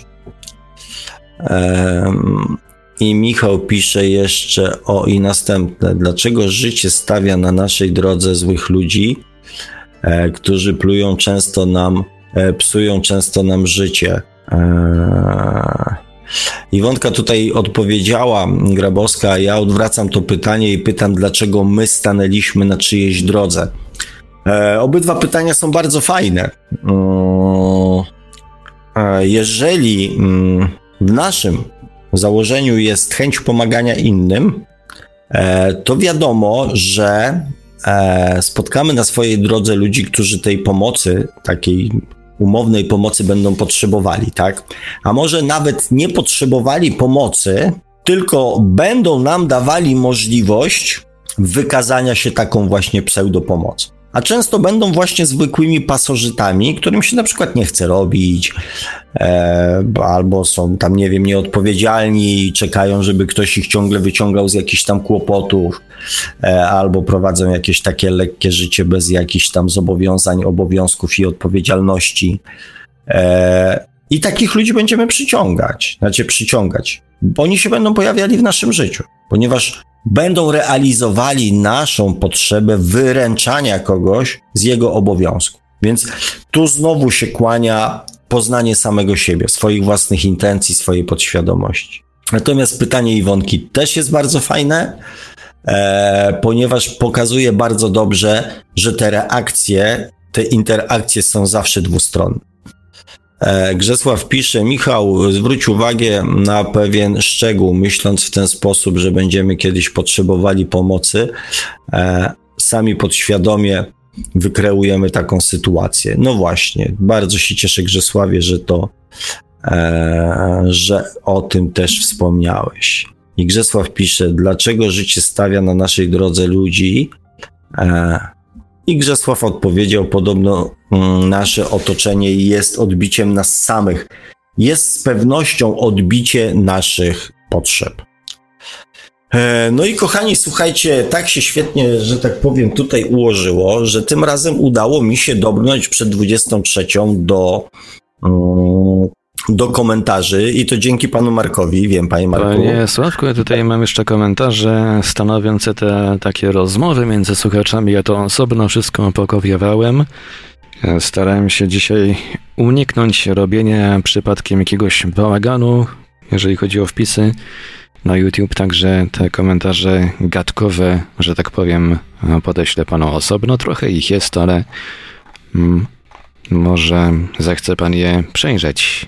No oczywiście, może że tak, się, bo to mi da. Może coś się tutaj yy, znajdzie jeszcze godnego skomentowania na antenie. Ja może przypomnę kontakty te głosowe do Radia Paranormalium. Nasze numery telefonów to stacjonarny 32 746 0008, 32 746 0008, komórkowy 536 20 493, 536 20 493, skype radio.paranormalium.pl E, cały czas jest czynne, chociaż tak troszkę pustkami świeci nasze gadu-gadu. Jesteśmy na GG pod numerem 36088002, 36088002. E, czekamy także na komentarze i pytania na czatach Radia Paranormalium na www.paranormalium.pl oraz na czatach towarzyszących naszym transmisjom na YouTube. Można nas także spotkać na Facebooku, na fanpage'ach Radia Paranormalium i pana Sławka Pączkowskiego, na grupach Radia Paranormalium i czytelników Nieznanego Świata, a jeżeli ktoś woli, to może nam także wysyłać pytania, komentarze i różne inne wiadomości na naszego maila, na którego właśnie teraz się loguję, e, na adres radiomałpa-paranormalium.pl. Mm, no to przeczytałem to ostatnio, panie Marku, powiem szczerze. E, jest, pojawia się taki wątek, który mm, kiedyś e, któryś e, ze słuchaczy zaproponował, już nie pamiętam kto, żeby zrobić taką audycję tylko, mm, że tak powiem, czatową. I okej. Okay. Czyli będziecie, kochani, pisali komentarze czy tam coś, a ja będę na bieżąco, bez żadnego wątku na nie odpowiadał. Bardzo chętnie taką audycję zrobię. E, bez żadnego wątku wiodącego. E, może nie za tydzień, bo za tydzień mamy tutaj jakiś pomysł, ale za dwa tygodnie możemy taką audycję zrobić. Zbierajcie pytania, zbierajcie, że tak powiem, informacje. Nie mam naprawdę nic przeciwko temu. E, wprost przeciwnie, z chęcią odpowiem na te wszystkie pytania, które Was gdzieś tam nurtują, a które na przykład nie znalazły się do tej pory mm, w naszych audycjach. Także Okej, okay. za tydzień y, temat jakiś jest, zresztą sami potwierdziliście, że, e, że fajnie by było, mm, więc pociągniemy ten temat, a za dwa tygodnie, jak tu się oczywiście żaden e, kataklizm nie wydarzy, mm, zrobimy audycję od początku mm, z pytaniami od Was. Także tylko tak, żebyście od 20 byli, nie? Bo chociaż coś wymyślę na biegu. E, no tutaj zawsze robię, zawsze robię taką rozbiegówkę. 20 e, minut wcześniej puszczam muzykę, 20 czy 10 minut wcześniej i zawsze ktoś tam się przywita. No tylko, że fajnie by było, jakby oprócz tych przywitań pojawił się jeszcze jakiś wątek do pociągnięcia. Także no. Fajnie by było. No. Może zaczniemy. Nie, dobra, żartowałem, już nie będę komplikował. E, ale tak, za dwa tygodnie, panie Marku, jakby pan jakby też może, nie wiem, dał taką e, zapowiedź tam, nie wiem, po następnej audycji, że taką audycję szykujemy, może to też ludzi przyciągnie do, mm, do większego i chętniejszego uczestniczenia w e, tych, e, tych naszych rozmowach czatowych. Dobra, kochani, słuchajcie, mamy godzinę 23, bardzo się cieszę, że tak nam ładnie tutaj dzisiaj sprawnie poszło. E, myślę, że ten tydzień dostarczy też nam nowych tutaj wydarzeń, e, więc e, starajcie się poznać, znać swoje emocje, a nie stawać się emocją. I tyle, no. Uważajcie na siebie, bo w dalszym ciągu jest jak jest. Mm. I widzimy, znaczy i słyszymy się za tydzień. Mm. A póki co, wszystkiego dobrego. Ściskam Was bardzo mocno, chociaż to zabronione, więc chociaż tak wirtualnie Was pościskam. E, jeszcze raz dziękuję Panie Marku, dziękuję Panu Kazimierzowi za telefon, dziękuję Wam kochani za taką aktywność e, czatową tutaj e, i do usłyszenia już za tydzień w Radio Paranormalium oczywiście o 20. A mówi to słowa do Państwa jak zawsze gospodarz audycji Świat oczami duszy, pan Sławek Bączkowski. Ja tylko jeszcze zdradzę, że nagrała się już książka pana Sławka, czy można szukać przeznaczenia, czyli po co człowiekowi dusza. Jeszcze będziemy ustalać, w jaki sposób tego audiobooka będziemy dystrybuować, bo tutaj pewnie wydawnictwo też będzie miało sporo do powiedzenia w tej kwestii, ale jak tylko coś będzie wiadomo, to, to oczywiście damy Wam znać, damy Wam namiary, gdzie tego audiobooka będzie można zdobyć. No a na razie zachęcamy do sięgnięcia po papierową bądź elektroniczną wersję książki. Przypomnę tytuł, czy można szukać przeznaczenia, czyli po co człowiekowi dusza. Zachęcamy także do śledzenia mm, profilu pana Sławka Bączkowskiego na Facebooku, do zasubskrybowania kanału pana Sławka na YouTube o takim samym tytule jak nasza audycja, czyli Świat oczami duszy. No i cóż, dzisiaj już kończymy powolutku. To była audycja Świat oczami duszy, audycja świadomości na żywo. 2 e, listopada roku 2020 pora już dzisiaj kończyć. Mm, audycję jak zawsze technicznie obsługiwał Marek Sękiewelios, Radio Paranormalium, Paranormalny Głos w Twoim domu.